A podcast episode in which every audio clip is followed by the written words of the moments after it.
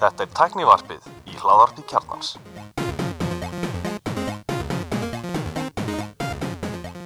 Komið þið sælblessuð og velkomin í tæknivarpið. Ég heiti Gunnar Reynir. Ég er allir Stefán Ég heiti Pétur Jónsson Ég heiti Bjarki Guðjónsson Þú ert ekki hörður Ágústun? Nei, alls ekki við verðum að byrja þáttin á sérstöku sjátáti á Hörlög Já. En Hörlög hans er að liggja heima veikur. Nei, nei, það er ekki ég. Sko, er allir, allir reyndi ítrekka náði hörð á Twitter og, og ég ætla að benda allar að hörður hættur á Twitter. af Því að Elon Musk á Twitter, hörður veslar ekki Elon Musk og hann er, Hörður er alltaf á Twitter Ég Er það? Alveg nákvæmlega hvernig hann líður alltaf ég er aldrei á Twitter, þannig ég, um hann ég hef ekki, já, hörður alltaf verið með okkur en, en, en er, með, er með hann í síðasti COVID-sjúklingurinn. Ég veit að segja, ég var að koma að því að þáttur snýrist um uppfæslur Já, já. þá væri Sko, þetta var alltaf, Þannig að ég er að uppfara úr herði yfir í Bjarka já, já, einmitt. Var það ekki hann sem laði til Bjarkasand? Jú, hann var það reyndar, það kom fyrst frá honum að því að. Bjarki var nýbúin að kommenta hjá honum við þurfum að ræða þetta þá kom bara, ok, rættu þá þetta drengur Það langar þér að þetta.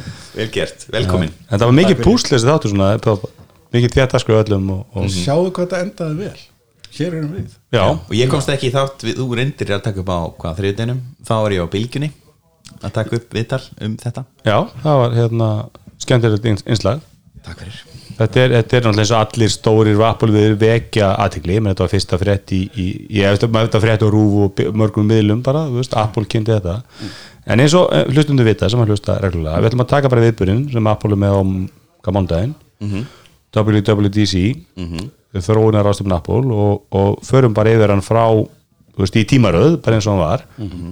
Eh, og þetta bara eins og venjulega þá byrjar alltaf okkur vídeo, ekki með alltaf svona kynningavídeó sem er svona líf uh, forræðarann svona, þetta er ímis ævindir sem lendi í. Sett í töluvert feguri mynd heldur Já. en raunin er en þau voru oft verið skemmtilega en þetta þetta var Já, svona það frekar var rosalega látlust mér finnst það skemmtilega þegar voru að fá okkur svona einhverja setnið live göra til þess að vera bara fyndnir, gera eitthvað skemmtilegt. Já, það var ekki að Apocalypse brellur, sko. já, þetta var alveg flott sko eins og þú veist. Já, þetta var flott. Það, var, maður, það kemur ekki óvart hjá Apple skilur þetta var örgulega, kostaði meira heldur en flestar íslenska bíómyndur örugglega að gera þetta. Já, mögulega. Þú veist, þetta Þetta er mjög vel gert. mjög vel gert. En, en svona, ég veit ekki, mér finnst það oft í krát en, en svo alltaf það alltaf þú veist, í þennan viðbjörn, það er engin salur. Það er engin að klappa þú veist, það er, en það er enda salur það er, við, við bara sjáum hann ekki. Allir blaðamenn sem mæta, þeir mæta í stúdíu og horfa á upptökuna. Blaðmenninir, við skulum að fa- fara hans valega í það. Já, ég meina, ég sé Youtuberinir, við skulum, það er eiginlega næsta Já, ég meina YouTube sem setja eitt vídeo og það fær meiri lestur heldur New York Times á einu ári, sko, þú veist, þannig að þetta eru, þetta eru stóri miðlar. Smáhrifavaldarnir Smáhrjávaldarnir, sem eru stórhrjávaldar mjög stóri og mjög, hérna, eins og eh, og það var sérst þegar þið kynntu verðið á headsetinu og þá sérst heyrði svona bara já, bara í salnum skilur, þetta var, ég sá þetta á netinu sko, en, en já, þið byrjaðu svo vídeo og fóru svo bara Tim Cook út í fallega garðunum með, undir regnbóa, hérna regnbóanum, Spörkinu. sterk skilabóð þar og vel við, vel við hæfi. Já, já, Og og, hvort allir fólk hafi verið meira hiss á verðin á þessu eða hjólunum myndir Mac Pro tölunar að þeir komu? Hjólunum. Hjóli En það ekki verið það er ekkert sem býta það ennþá í neinu price discovery. Það, einmitt. og, og en fyrir kannski betur hjólun eftir þeir, þeir, þeir breyttu eng, þeir læriðu ekkert á þeim mistökum. Þau, þau. Alveg rétt, við sögum þau. E, þeir byrjuðu hardveri ég mættur, ég mættur. sem er sjálfgeft í WWDC kynningu. Já, yfirleitt er þeir ekki með velbúnað en þeir byrjuðu bara, fóru beint í, í Apple fartölur og kynntu drauma tölvuna mína og Mosa. 15 tóma er. 15 og með sem ég, er bara, ég er til ég að veðja við þú myndi ekki kaupa þessu tölvu fyrir svona þrjú ára bland sjálfsög, hvað er eftir annars að kaupa hana? Nei, menn eftir þrjú ár, ég held að þú sett ekki Þú sett ekki öll í Ég, ég er til að leggja undir það verður fyrr en eftir þrjú ár, það verður innan þryggjara Ok, ég sem með þess að innan tveggjara en mjög líklega það bland samanlega því. Eh, og það sem kom mest óvart með 13 15. með er hvað var ódýr. Ég hérna hún og er á, lækkuðu, þau lækkuðu. Þau lækkuðu 13 tómana Já. Já. Þetta er ekki komin einhver staður þar sem að þau eru orðin góð með þessa framleiðsla að ná nýðu kostnaði. Ég meina álæringatölunar breytast öruglega ekki en kannski geta það ekki réttlægt lengur pluss ástandi í heiminum. Sko það er, það er núna sala á fartölum er á hræðri niðurleið og Apple sérst, fór hvað, 44% milli ára meðan aðri fór svona 30% mm.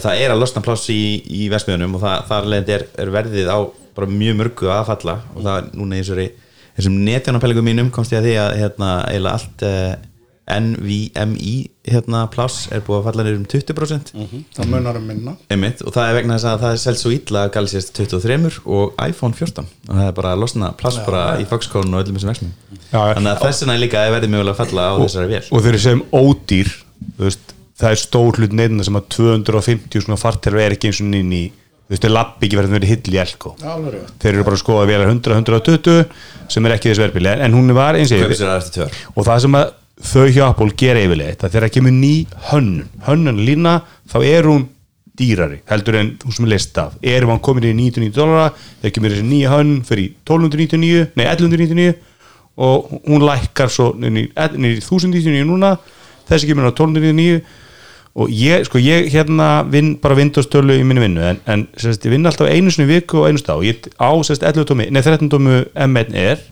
með 8 gig 206, bara basic vélinn og mér, mér finnst sturla hvað þetta er Þú veist, ég finn ekki hraða vandamálsverð vél Já, við getum aðeins talað um byltinguna sem að þessi örgjörðarskipti eru búin að vera.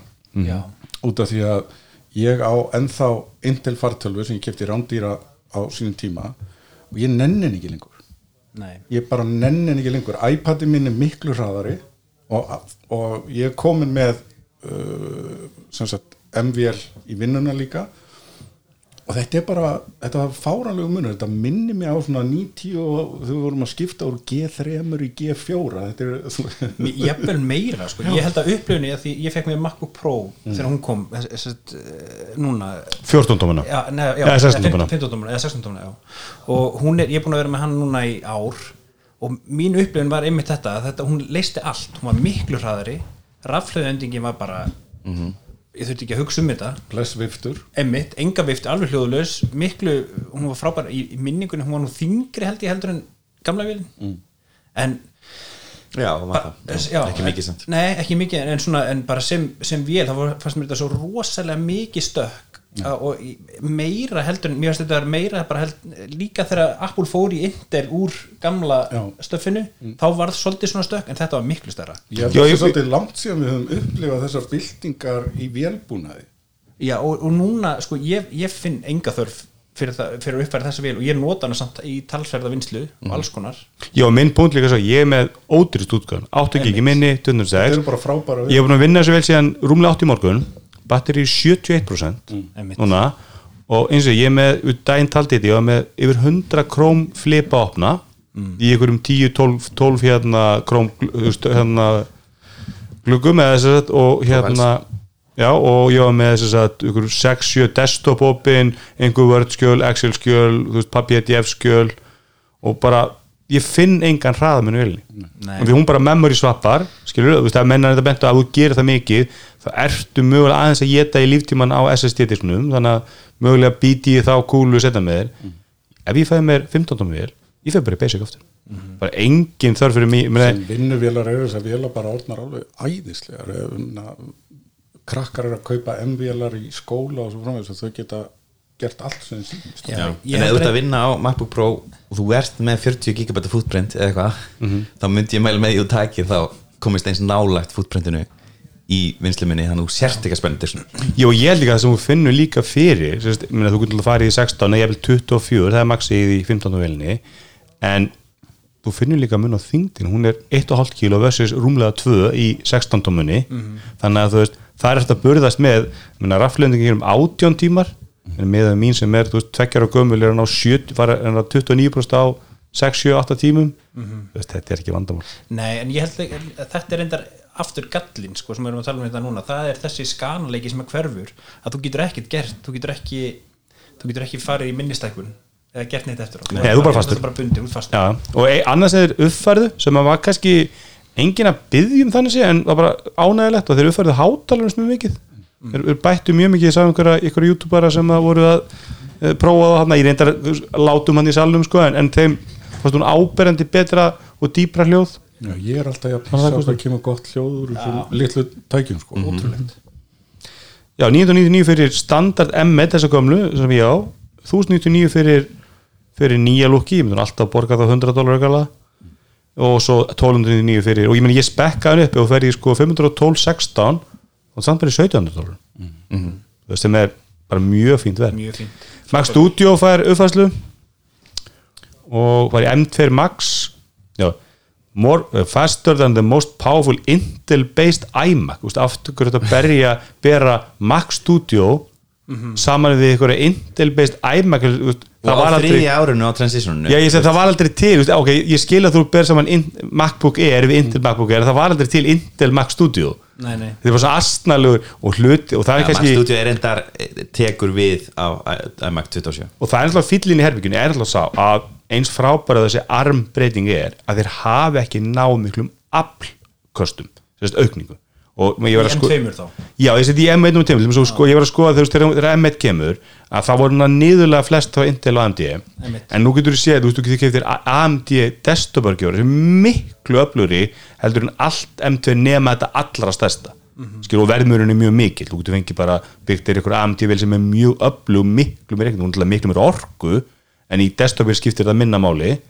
Þannig að þú veist, þeir eru að forna smá vexti þarna kannilega, sko, þeir eru ekki að ná meiri hraða upp og þess vegna er alltaf að bera saman við ykkur intilvera sem eru ekki svona döða, ég sko. veldi samt bara fyrir mig líka að nú er ég að vinna á, í, í svona frekar þungri vinslu, í myndvinslu þessi, myndbanda vinslu og, og svona lit og grafík og VFX og alls konar svona. Eh, sko krafan, ég er ekki að vil ekki hljóma svo gammalt maður hérna en sko við þurfum, þetta er, þetta er svo mikið að ég finn litla þörf fyrir uppfæslur akkurat núna og, og þú veist, ef ég er ekki að finna uppfæslu þörfuna, þá efast ég um að hún sé að koma hjá meðal notandi út í bæ sem er með M1 og er að hugsa þá er M2 óþarfi sko. en eins og, eins og Apple spila þetta núna með M2 M2 er í rauninni bara M1 bara með set, uppfæru framlýsluferli þetta er, sami 5 nanometri örgjörun þetta er sama 5 nanometra framlýsluferlið og M3 verður stórt stök og þannig að líklega sléttutölunar verða svona S-lína eins og við köllum það í gamla eins og fyrir símana og þannig að, sem sagt, stóru breytingan eru á 8 þannig að við þurfum aðeins að býða með að dæma því að Jú, ég er alveg saman björkið því, það er ekki þörfum með afli fyrir venilegt fólk, það er bara, og ekki einu svona fagmenn skilur, þetta er, þetta, er, þetta er alveg rétt veðmæli að vera fókus aðra hluti núna. En, en eins og ég segi, forskot Apple hvað afli var miklu meira Já, það hefur svolítið dreist Já, já, en svo akkurat að þessi stóru stökk eh, það líða nú oft nokkur ára á milli þeirra svo sé eitthvað var í því. Samt sko, ef þú ert að byrja, byrja saman afkvæmstin í sérst, þetta er, þetta er fartölu örgjur lína eins og teknar hefur komið inn, inn á áður. Þetta er, þetta er fyrst og fremst hana fyrir fartölur því að MacBook Pro lína þeirra er mikilvægt að lína þeirra. Og, og ávinningurnir í rafluðendingunni Já, einmitt, og ávinningunum er rafleðendinga þannig að þetta eru nettir örgjur sem eru með lítið wattage. Þannig að hérna, þar, og þar, þar skín þessi örgjuri þannig að sérst, í samverju við Intel tölur núna hvað er 12 eða 13 kynslu núna af Intel desktop örgjurum veist, þegar hún er bara tengd við hérna veggin og fær nú mikið af kælingu þá er hún að fara að rústa þess að fyrir præs hérna, með við verð þá mun, munu þessir örgjur að rústa öllu desktop dæminu, öllu Mac Studio ég, ég er með ThinkPad vel vinnu og, og, og man ekki hvað, bara fyrir að gefa tíu tíma og ég næði svona þremur.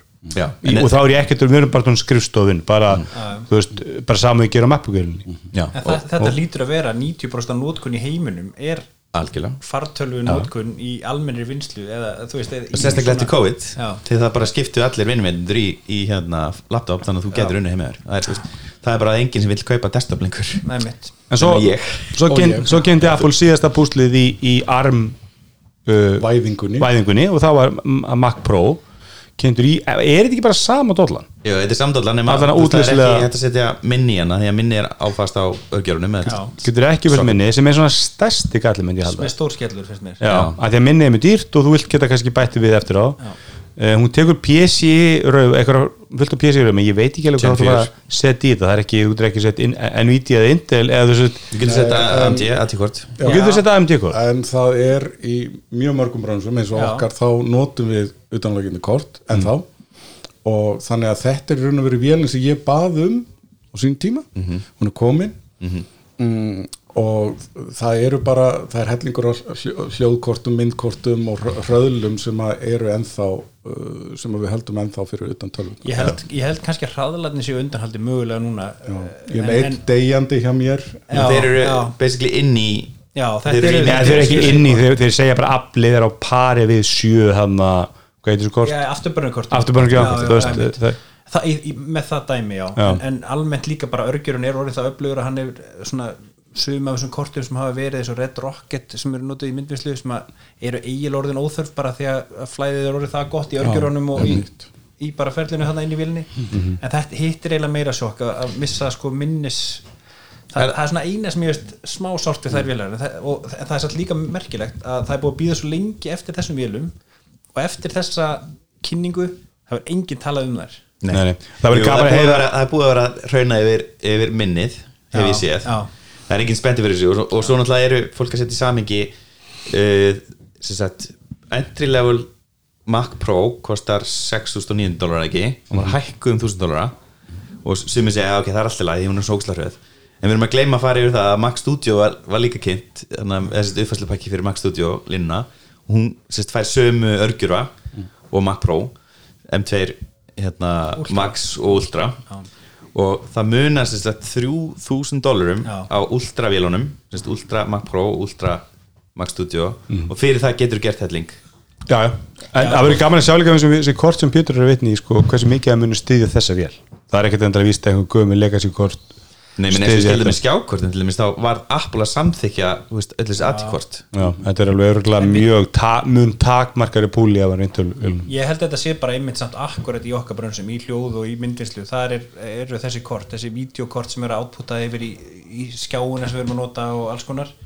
Þetta eru akkurat og svona video í og Já, en það gerir bara innbyður 60 eða 76 skjákarna skjástring Já, ég veit það. En það, það er bara- það er bara er samt ekki hluturinn sem ég þarf að nota í vinninni þegar ég er að horfa á eitthvað panel sem þarf að horfa rétt color space af myndefni Þannig að þetta er ekki að virka fyrir þig?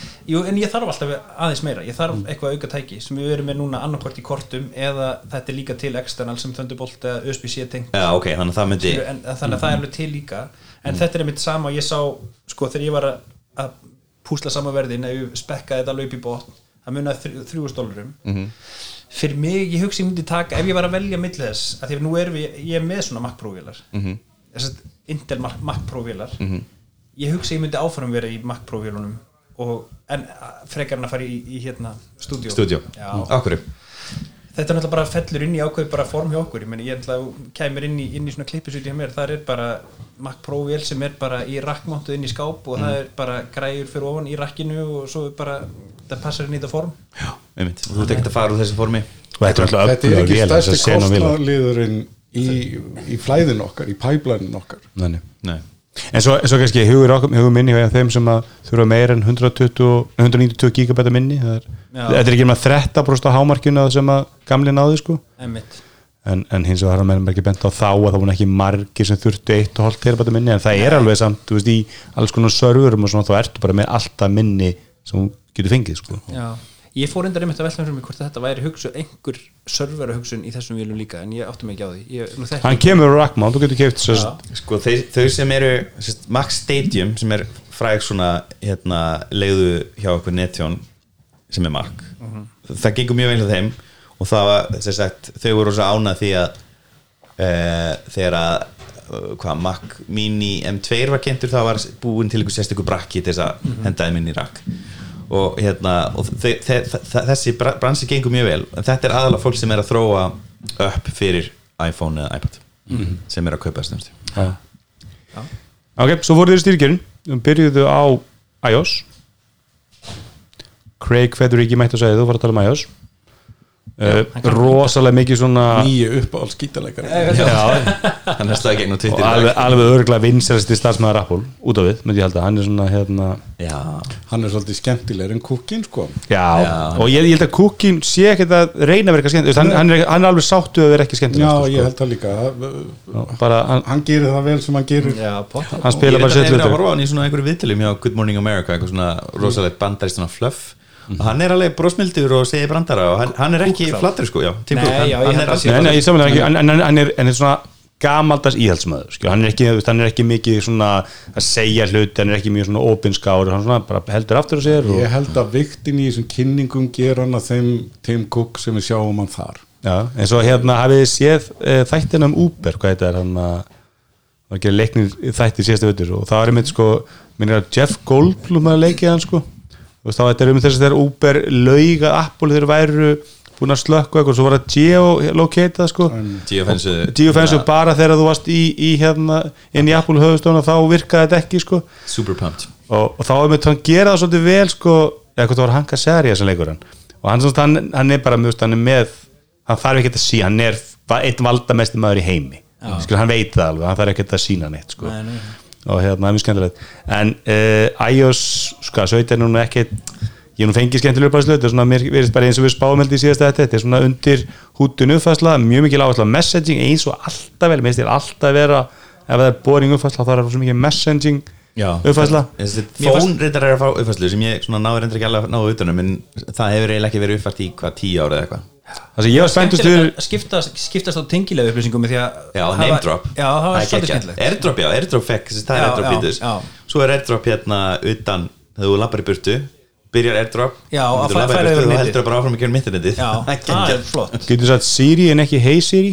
Hún skilur ekki, þú veit ekki hvað hann að svara en þú getur samt ég nota sér mjög mikið, hætti þessu Hérna, já, já, þú getur tekið heiburt uh, Svo er þessi standby skjár, hann er þetta svolítið flottur en ég samanlega, standby ég, og ég held að mun úr að fá mér svona fallegan svona MagSafe stand, stand. á náttborðið, Það er þetta er hlið svona. Svo er líka hægt að kaupa sér MagSafe skífuna.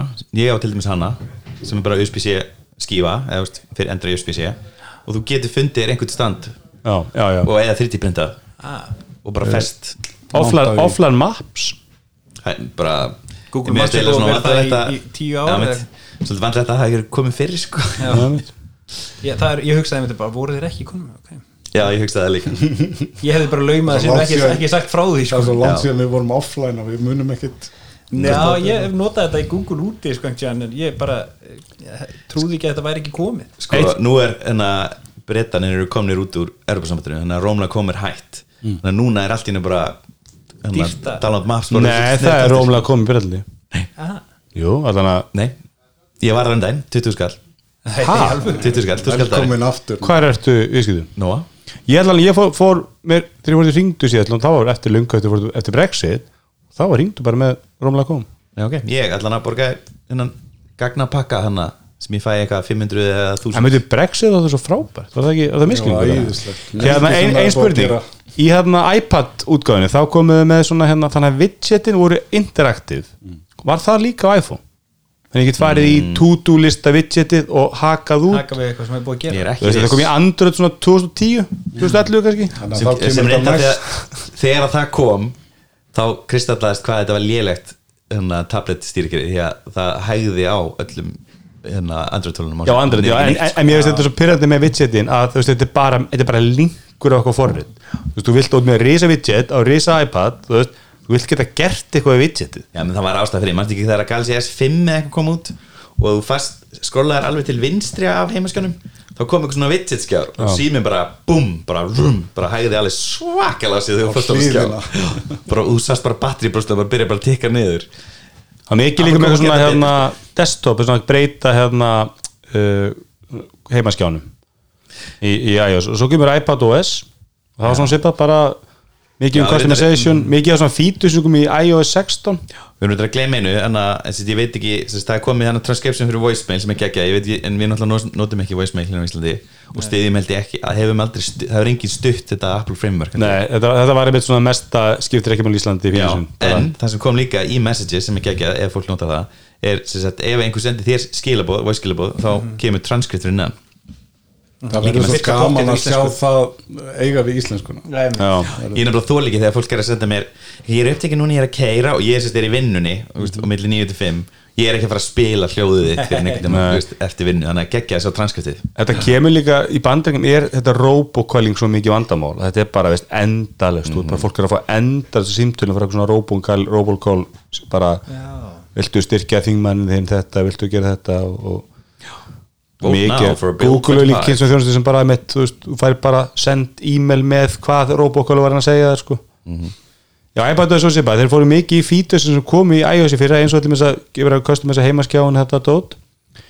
Uh, var eitthvað annað í iPad sem stóð upp úr? Og voðalega, nú er meira döl heldur en iOS. Inline PDF breytingar einhverjar. Líkilatrið betri stuðningur á external skjái það var reyndar eitt, en mér fannst svona að því ég hef nú notað iPadin svolítið í þetta að, sko, þegar maður fær eitthvað til að skrifa undir Já, þá hef ég notað já, það svolítið að, að svona, að, mér fannst þetta alveg pínu sniðut og getur rauninni tekið myndaskjali og autofill PDF autofill, já, Já. Machine learning features þetta er ML features sem er rauninni hakkar í sig skjali og reynir að giska hvað það er hvað. En það er eins og ef, ef það verið drikkilung ég ætla að drekka þegar Apple segir AI þá drakstu ekki eitt sopa. Nei, þeir það er myndust það. ekki, finnst það komið. Aldrei. ég hefði alltaf lagt pening undir og myndi ekki minnast að því Mér finnst Apple, það ógeðslega töff út af því að AI er buzzword núna. Algjörð buzzword. Og þetta er náttúrulega sjálfsögðu AI sem að liggur á baku allt þetta dótari. Já, en uh, þau eru að spila þetta svolítið skemmtilega út af öðrum hluti sem við getum komið inn á líka er að núna hefur aldrei verið mikilvægur að við treystum þessu fyrirtækjum. Og App- Apple er bara að býða bara, við ætlum ekki, að- ekki að hoppa á vagnin við ætlum bara að leiða ykkur að keira að út af vagnin, þau bara keiri ekki, þau nefna þetta bara annað og kalla þetta sitt eigið sko. Alveg sammála. En við erum ekki búin að frétta af sér sett hérna stokkverðinu. Strax og verðið er kynnt í lókin þá bara búf en það er þetta, ég er búin að fylgjast með þessi mörg ár sem hluthafi í Apple. Mhm.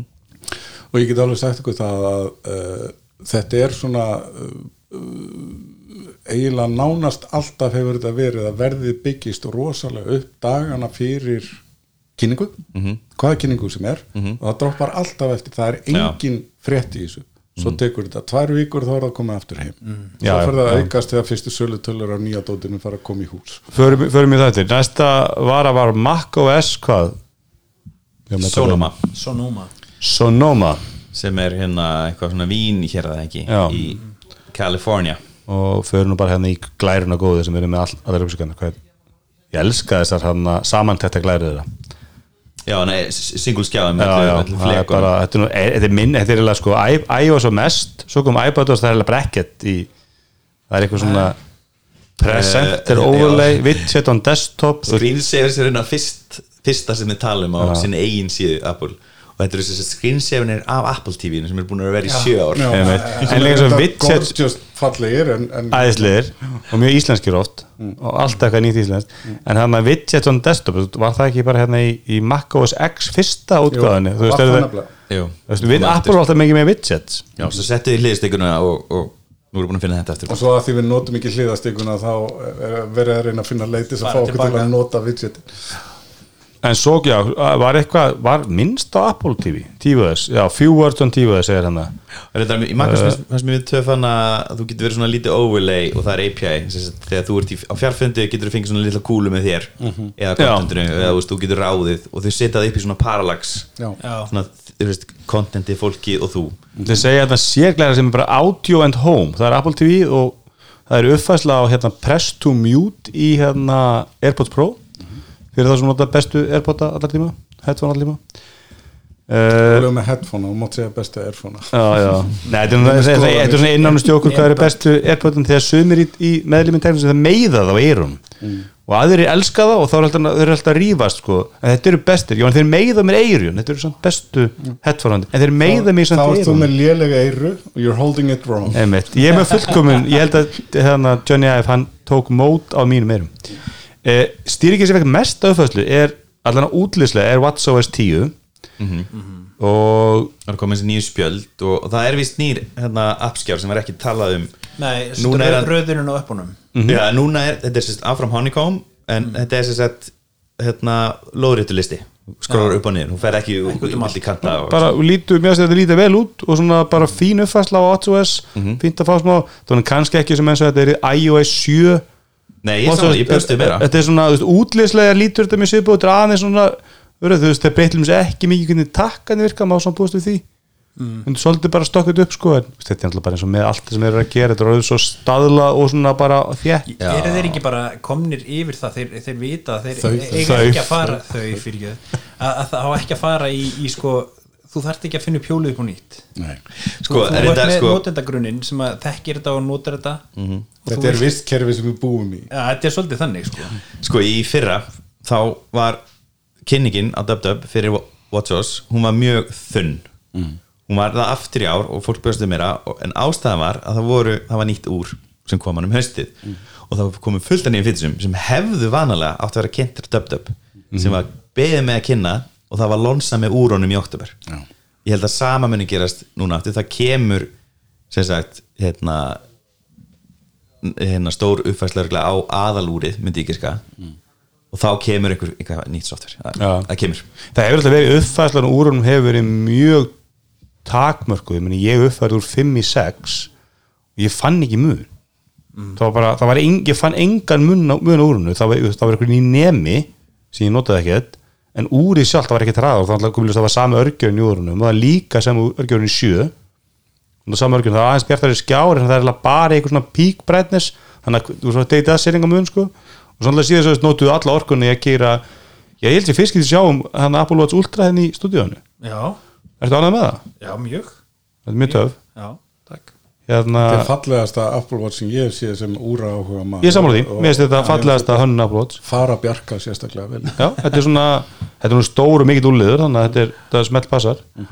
Já, ég prófaði það í, í dag frá Nova og hérna, eftir það þá fór ég að gift mér litla árið okay. Ég hef aldrei verið eins annað með litla Ég bara, ég elska að ég hef skiptu Ég var alltaf með stærra, vanlega úrið Ég elska enda litla. Já, Já, ég, ég- finnst nefnilega að þú ert svo mikið í þessu. Þú ert alltaf að minka við þig, minka símana fá þig minni er þetta komin í núna. Fekk sér lítinn hund. Já, Ég mitt Ég var mjög heitu fyrir Ultra hann líka konstaði að skjárin er ekki stærri sko. Þú Ég held að hann er stærri þannig er ekki 4,9 og móti 4,4 eða 5 eða Já, eitthvað En svo er erðarinn bara glerið sem er stærri en skjárin sjálfur er alveg eins sko. Að ég er ekki mikill útvista maður sko. og ég ætla að fara að nota mitt Apple mjög lítið, ég nota bara þegar ég hreyfi mig og þegar ég hérna sef. En ég er alveg með þetta er svona kannski einu sem viku sem ég tekaði vinnuna ég sef aldrei með það. Ég sef alltaf með það. Eina, eina aðstöð sem ég oft gley- nenni ekki að rættið en að blaka eitthvað en, en ég sef alltaf með það. Og ég er myndur orðið nógslega pyrrar því að ég er að nota MagSafe hann að duo chargerinn og hann er með slow charging veist, hann er ekki með hann að quick charge sem kom í sjöunni þannig að ég næ aldrei að hlaða hann og þannig að ég er alltaf bara að tefnast á vaði sko, með að lifa af. Og alltaf stóra ástöð sem ég er að því að besti fítur sem í Apple Watch ever er vekri klukkan þú veist, konin er svoandi, ég let úr vekja mig og fer frá fer á með að já. já, ég Já, elska og líka þú veist, setja síman alveg á silent þannig að hann víbr ekki þegar Já, hringir já. og við víbra bara á úlunum og það heyrir ekki ný en ok, nú erum við komin á þann stað sem stendur á, Airpod OS fekk við ég sagði það á hann Varstu Já, og svo improve call quality. Uh, en óþar að vera að djöblast eitthvað í því Ég var að kaupa mér nýja Airpods um daginn. Já. Það var nefnilega þannig að ég var á leiðin út. Ég á að Bose heyrnatól sem eru orðið nokkur ára og svo var ég að fara til útlanda og ég glimti þeim. Og það er ekki hægt. Og ég glimti að fara sérst, og var að fara í flug og var ekki með headphone mín og ég sagði bara ég er búin að langa svolítið í þessu og ég fór og skoði og ég bara splæsti og ég fekk mér AirPods Pro. Airpods, sérst, nei, Max. Max, já. Og ég var bara mjög ánægð með þetta dundrandi hljóð og geggjað ánægð með þetta. Svo fór ég í vélina og fattaði þá að ég hafði náttúrulega ekki keft mér inn á snúra en ég gæti ekki nota alltaf að plugga í neitt. Já, einmitt. Það er listað á podcast á símanum kannski eða þannig að ég var bara satt uppi með þau þrjú lög sem ég var búin að downloada á Spotify. Ég, ég, ég var ógæslega skotum, fekk lánað hjá Vakland einhvern mann, sem þetta kom. Og alveg mér langaði svo að prófa hérna, hérna Spatial Audio í AirPods Pro og hérna Max og ég, ég mér varst, veist, ég er með svo stórn haus og þið bara mjög óþægileg Maxinn? Og- já, ég bara, ég veist ég var að horfa ykkur á Marvel mynd og ég, ég endist ekki hálf, já, mér, kunni ekki að segja það en, hérna, en mér bara, ég endist hálf mynd, ég var bara komið svona þrýstingsverk, sko. Ég, ég held að þetta sé bara snúist ekki um höfustæri en ég held að þetta sé bara alveg persónubild ég þekki alveg nokkra sem Ná, ég er viðkom fyrir þessu sko Já. og ég, ég, ég þól ekki með það sem mikið head, headphone svona, sem eru svona yfir eirun sem er hannar þannig að þú getur verið í körfubolta með þau sko og ég hef aldrei verið í vinnunum við skrippborið eitthvað að hrista hausinn skilur það er ekki fítus. Ég get skokkað með mín svona Sony en ég, það er ekki, mér finnst ekki gaman að skokka með Nei, en, en Airpods Pro eru bestu bara, eiginlega bara einn besta Apple vara eftir iPhone síðan nokkuð mann átt ég elska þetta ekki. Mhm. alltaf með þetta á mér, þú veist, mér er alltaf lendi aðstöðum sem að nú er fínt að setja á sig noise cancellation. Þú veist, ég lendi ég veit mér úti og var í molli með dóttir mín sem var veiktist og þurftum bara að klára eitthvað og plöntum henni bara, hún bara skellti sér Airpods Pro og það bara slöktu öllu öllum látónum skilum við og retta, retta fari og svona, þetta er allt, þetta er bara svo sýstinsku vasanni, þú getur alltaf fundið eitthvað nót fyrir þetta. Ég held alltaf að segja hún var í grátandi þannig að þú setti bara noise já, já, cancellation. bara hættu þessu röfli nei, nei, þú veist þannig að ég, ég, elska þessa græði og þú veist bara, ég mun alltaf uppfara í nýjastu típuna Mhm. og líkt mörg, og þetta er aldrei keft notu já, ég er reyndar að hef keft notu Airpods en nú er þetta kaupið þetta nýtt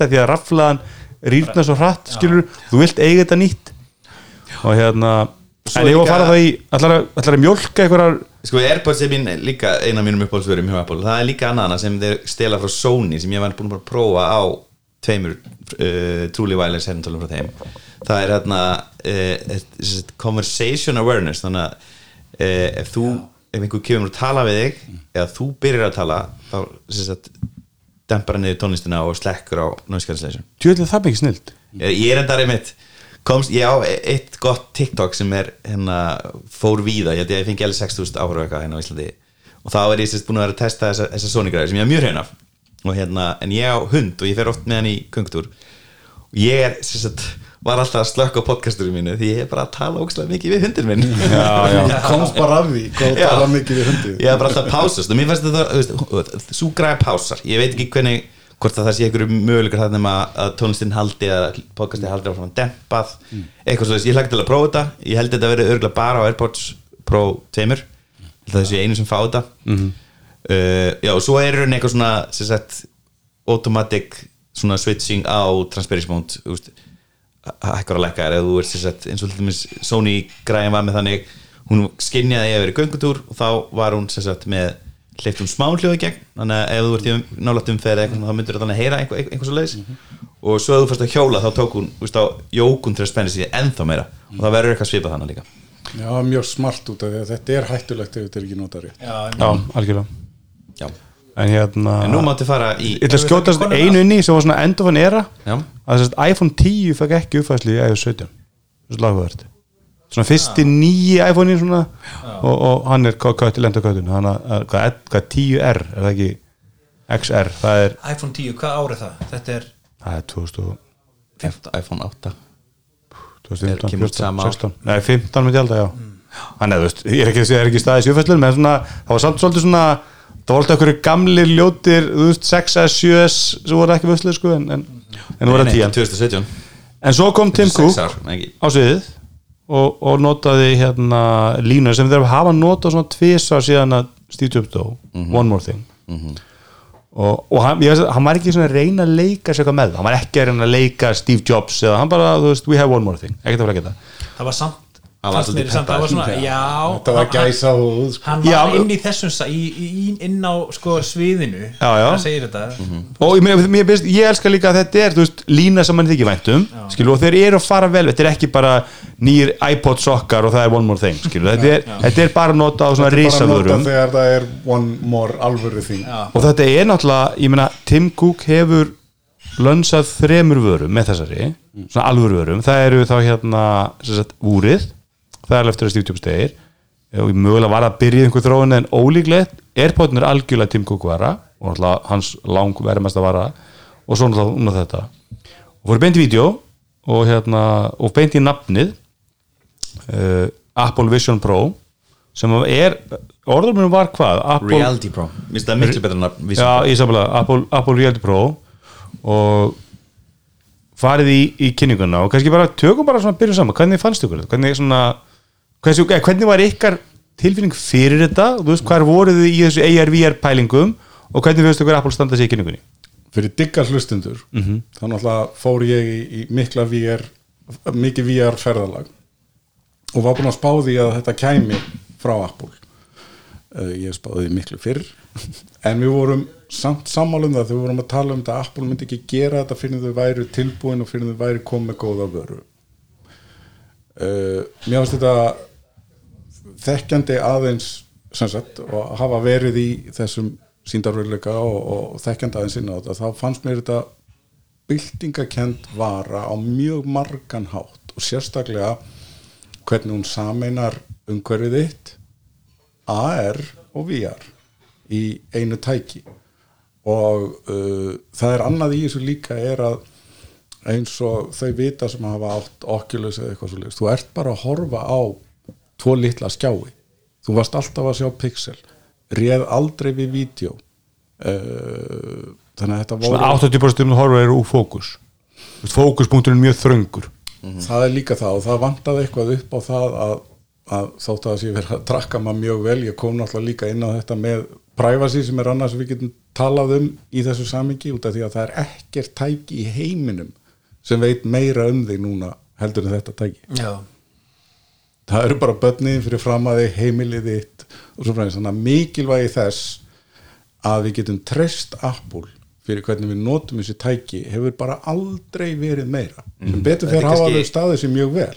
Eins og, eins og hérna, þetta er kannski góðast að verði að meta kannski er ekki komið á flug og, og við bara treystum ekki meta fyrir þessu. Og eins og þegar þið lónsið hana Facebook portal í, sem er eitthvað svona einhver eldús til lönns líka vestamölu tíma þetta var hann viku eftir hann Cambridge Analytica. Cambridge Analytica málið bara, já, Já, viljum við þetta skjá með myndalinn heimilið eitthvað bara, flott. Eitt í gott og svo þá til hana fyrir einhverjum áttamánuðum eitthvað þá var til þess að komast inn í Oculus tæki að þetta er að logga inn með Facebook akkugi sem er bara heimsklasta ákvörðin Já, en nú getur við bara fengið, samgang sem er líka Facebook-gangur þannig að þetta er bara Sami hluturinn. en sko ég, ég verð að segja, ég ringdi Pétur. Mhm. eftir þessa kynningu. Sýntalið kom. Já, við tókum ég, ég hef ég, þetta er svo skipta skoðan ég elska þetta, sko, ég er VR aðdáandi, ég á tvö tæki, ég á Oculus og ég á Playstation 4 VR græju. Ég er búin að prófa þetta, mér finnst upplifun alltaf svolítið skemmtileg og þetta er, svo- þetta er svona novelty. Þú veist, þetta er og með sterkar maður já, já, en ég meina þetta er bara skemmtitæki fyrir mér, hinga til allavega. Og þetta er fyrsta skipti sem við sjáum þetta sett fram sem eitthvað annað heldur en skemmtitæki. Já. hvernig sem einhver annar vill meina það eða, eða meta hafi hugsað þetta sem eitthvað svona fundarhöld það var það bara aldrei og var aldrei að fara að verða það með því fyrirkomulega og Apple kemur hann með aðeins öðruvísi nálgun sem að ég held að sé frábær hugmynd en ég ekki, hef ekki alveg fulla trú á henni Nei, þetta er eru tvær spurningar. Kynnti Apple besta sko, svo er þetta er VR headset? Það eru alveg skiptur hvort þetta sé VR headset að því að í rauninni aflið þessu tæki er ekki það mikið til að keira, þú veist, þú ert ekki að vera að keira en að AAA VR leiki af því að sko aflið þú þarftir að keira 2.4K skjá á sama tíma á 120 riðum þú ert um að ganga helviti mikið þetta er allt önnur 90. tækni En 90. samt sem er notuð til þess að varpa á augun en þeir síndu enga alvöru grafík það var ekki síndin einir, hér er einhver leik það voru þessi leik, það var mikið bara leikir á skjá sem að sveifir fram að þig Mhm. en þeir síndu ekki og menn- mönnum grunna það þetta er afli, er ekki það mikið þú setja að fara að spila leiki á báðu það sem Playstation 5 getur en punktum minn semst sá að það eru tvær spurningar kynnti Apple besta AR VR headset heimi og það sem ég lesið og séð YouTube, hlusta á podcast og annað já, Já. þetta er besta VR, ég meina ég var að hlusta á podcast bara áðan, það sem maður í svona ykkar bransa hefur verið að vinna með VR headset sem kosta á annað hundruð þúsund dollara. Þú veist, þetta er einhvers rosa ultra pro græður. Og Apple er að gera margt miklu betur eye-trackingar allt öru leveli. Það er fókusin, linsónum er allt öru leveli.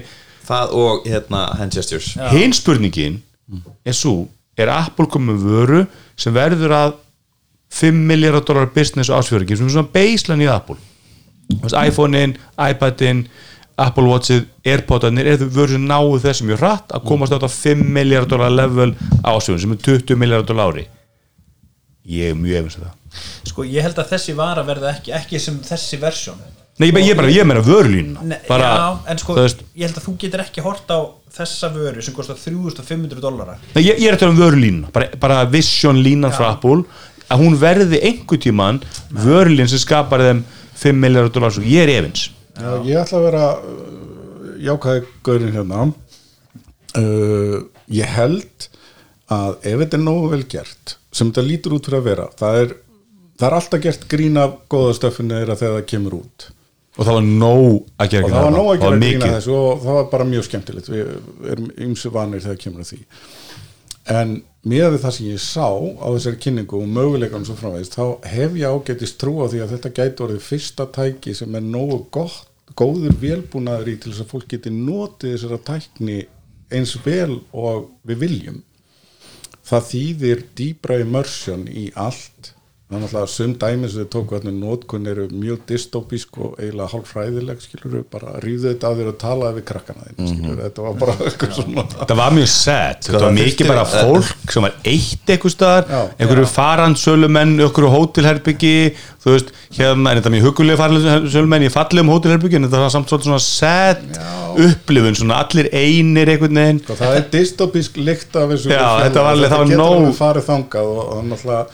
ég heldur þetta að þegar að við erum búin að labba neyrinn á veg og svona ferðum stað fram fimm ár Já. þá er henni gamli heimurinn þannig að þú varst með eitthvað, eitthvað svona hérna, eitthvað fartölu að vinna Já. með fimm manns á fjarfundi þar sem hún sást ekki neitt því að þú varst búin með maximasta glæruna hennar.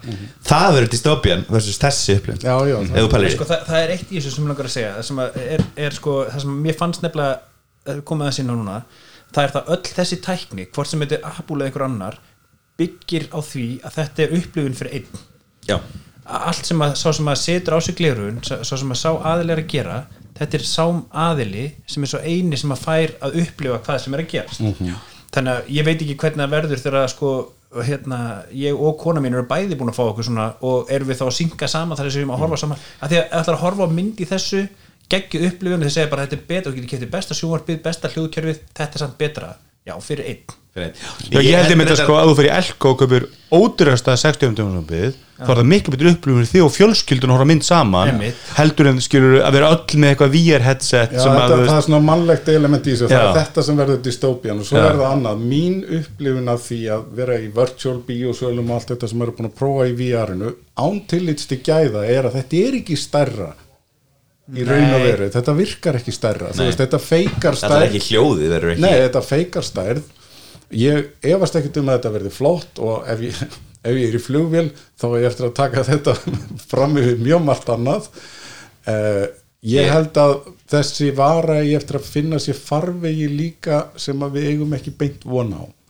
En ég ætla líka að segja, það er, er Martan í þessari kynningu sem ég setti sín í samingi af hverju er Apple veist, og Marta þessi hugsa ég, hei, þetta er COVID-fítus Shareplay er algjörlega fítus sem er búin til fyrir Visionos það er verið að búa til grunnstofunni í MacOS og iOS fyrir þennan fítus þannig að fólk geti verið saman með tvö headset. Já, og svo er líka sko að þú veist, ef við skoðum þessar stóru vörur Apple að alla vörunar er kynnta þannig að það kemur consumer varan fyrst. Þú veist, fyrst iPhone-in, fyrst iPad-ið, Apple Watch þetta er allt, við byrjum að koma svo enda er einhverjum pro útgáðum setna meir. Þannig gerir auðvitað, þú byrja á tí, ég meina, þú veist, þrjú, þetta er svona þessi vélar hafa kostað svona 750 skallina þegar hún kemur, með að við bara nú er þetta gengi Já, og, ég meina, bara það, og það alveg er, öruggt.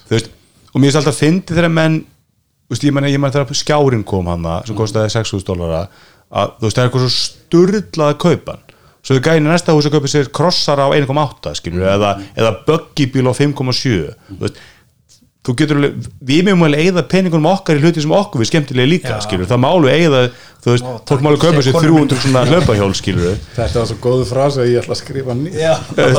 Og, besta við eitt af þarna sem kom fram þetta kemur ekki fyrir hana næsta ári en við getum byrjað að spara núna. Já, en, en það er eitt, eitt sem ég held að sé hluti ástæðinu fyrir því Apple ákveður að fara þess leið þarna og það er svo, og það er sagan segja það sem sagt, að, að Sony hefur gefið þau upp að það geta bara búið til 250.000 mikro OLED skjái fyrst árið, fyrst 12 mánuðin já, sem er þetta að dela með tveimur. Já, það, hvert tæki það tvo skjá. Og þegar við talum 125.000 tæki sem er ykkur hálfu miljardur dollari tekjur ef við selja allt sko.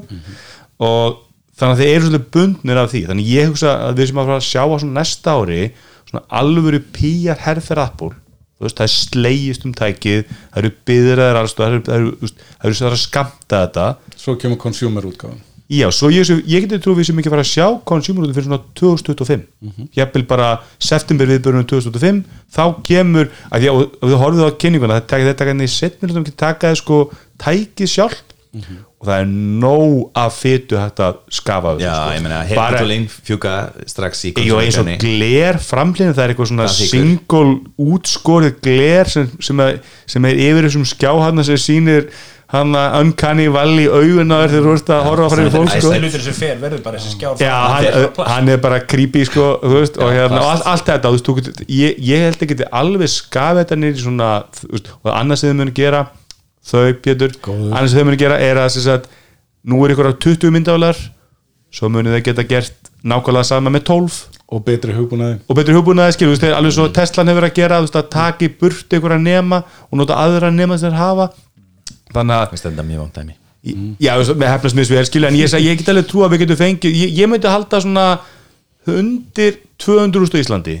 Þá ertu strax komið eitthvað sem fólk getur réttlega og ré, til að ég held að, Vision sé, SE já, ég held að sé svolítið mikið, Vision, Vision. Ég held að sé svolítið mikið til í þessu líka út af því að það er send út þessi vara fyrst, fólk prófar hana ákveður að hafa ekki efna á hana eða eitthvað svo leiðis en, en það getur hafið farveg, eða getur opnað farvegin fyrir konsjúmervöru sem alla langar í vegna þess að hitt er svo gott. Svo, svo koma þau út og segja heyrðu, munið eftir prófinu. Hérna er konsjúmerlína, hún er tvisunni betri og 85 sunum hraðar en intil útgáðan af þessu sem var aldrei til. Og það var heldur töf sko, þegar þau voru að kynna þetta sérst, á viðbörinu, þá buður fullt af blaðamönnum. Og þá voru sérst, það var augnlæknir á svæðinu og hann mældi á þeir augun og því byggu til linsunar á staðnum fór í samstarfis fyrir, já en þeir gerðu það bara á staðnum. Það voru bara custom made linsu fyrir hvern og eitt sko, og ég var hlustu eitthvað podcast gæði sem er mjög sérstaka einhverja augn sko, þú veist þannig með hann er mjög dýrglir og það bara, þeir miksu það bara á staðnum meðan hann beið sko. En sko, ég, ég held samt að þe- þetta samt undistrika líka það og aftur erum við að tala um svona personu eh, svona passa upp á upplýsingarnar að þetta, þú réttir réttir vallan einu símaðin en hverjum ætlar að leifa öðrum, sko, þú færði þetta með þínum glerjum þetta er persónast að tækið. Þetta er þínum myndum persónulegsta og tæki sem þú mútt nokkja að fá. Já. Þú ert ekki verið lánanda Nei. Nei, þú verði- þetta á milli, sko. nema verði mögulega eitthvað svona guest mode eða svona eitthvað. Já, já. síðan er það annað sem við verðum að skoða í þessu líka sem að skiptir máli sem eru bara þægindin að vera með þetta á sig. Og ég hjó eftir því hönnunni til dæmis til að létta á tækinu að batteríi sett í snúru og í vasan það finnst mér, það, fólki fannst það líka Rassraflaðan eins og við ætlum öll að kalla hana. En það er ógeðslega smart Já, Og- og, Nei, ég er samt hérna questions about that. Hvað gerir þú vilt skipta um batteri? Er batteri, er eitthvað það batteri í hlýtur tækinu? að vera eitthvað svona 5 minna batteri það hlýtur það það getur ekki verið að það hlýtur bara að það er einhvern veginn skipt um batteri það hlýtur að vera en það er eitt sem er tekið, það er óvinnu þungt og blæðum um tölum það Nei, það ég er, veit hvað þetta er. það er- Þetta er þannig að batterið er með USB-C það er þannig Þannig að það bara fyrir vegginn þegar þú tæmir það það er Já, en þú lítur það- ekki að lítur ekki að það svarta það er Það er ekki búið. Þú getur kannski daisy Já. en allan, ég ég hérna hvað verður ég að segja?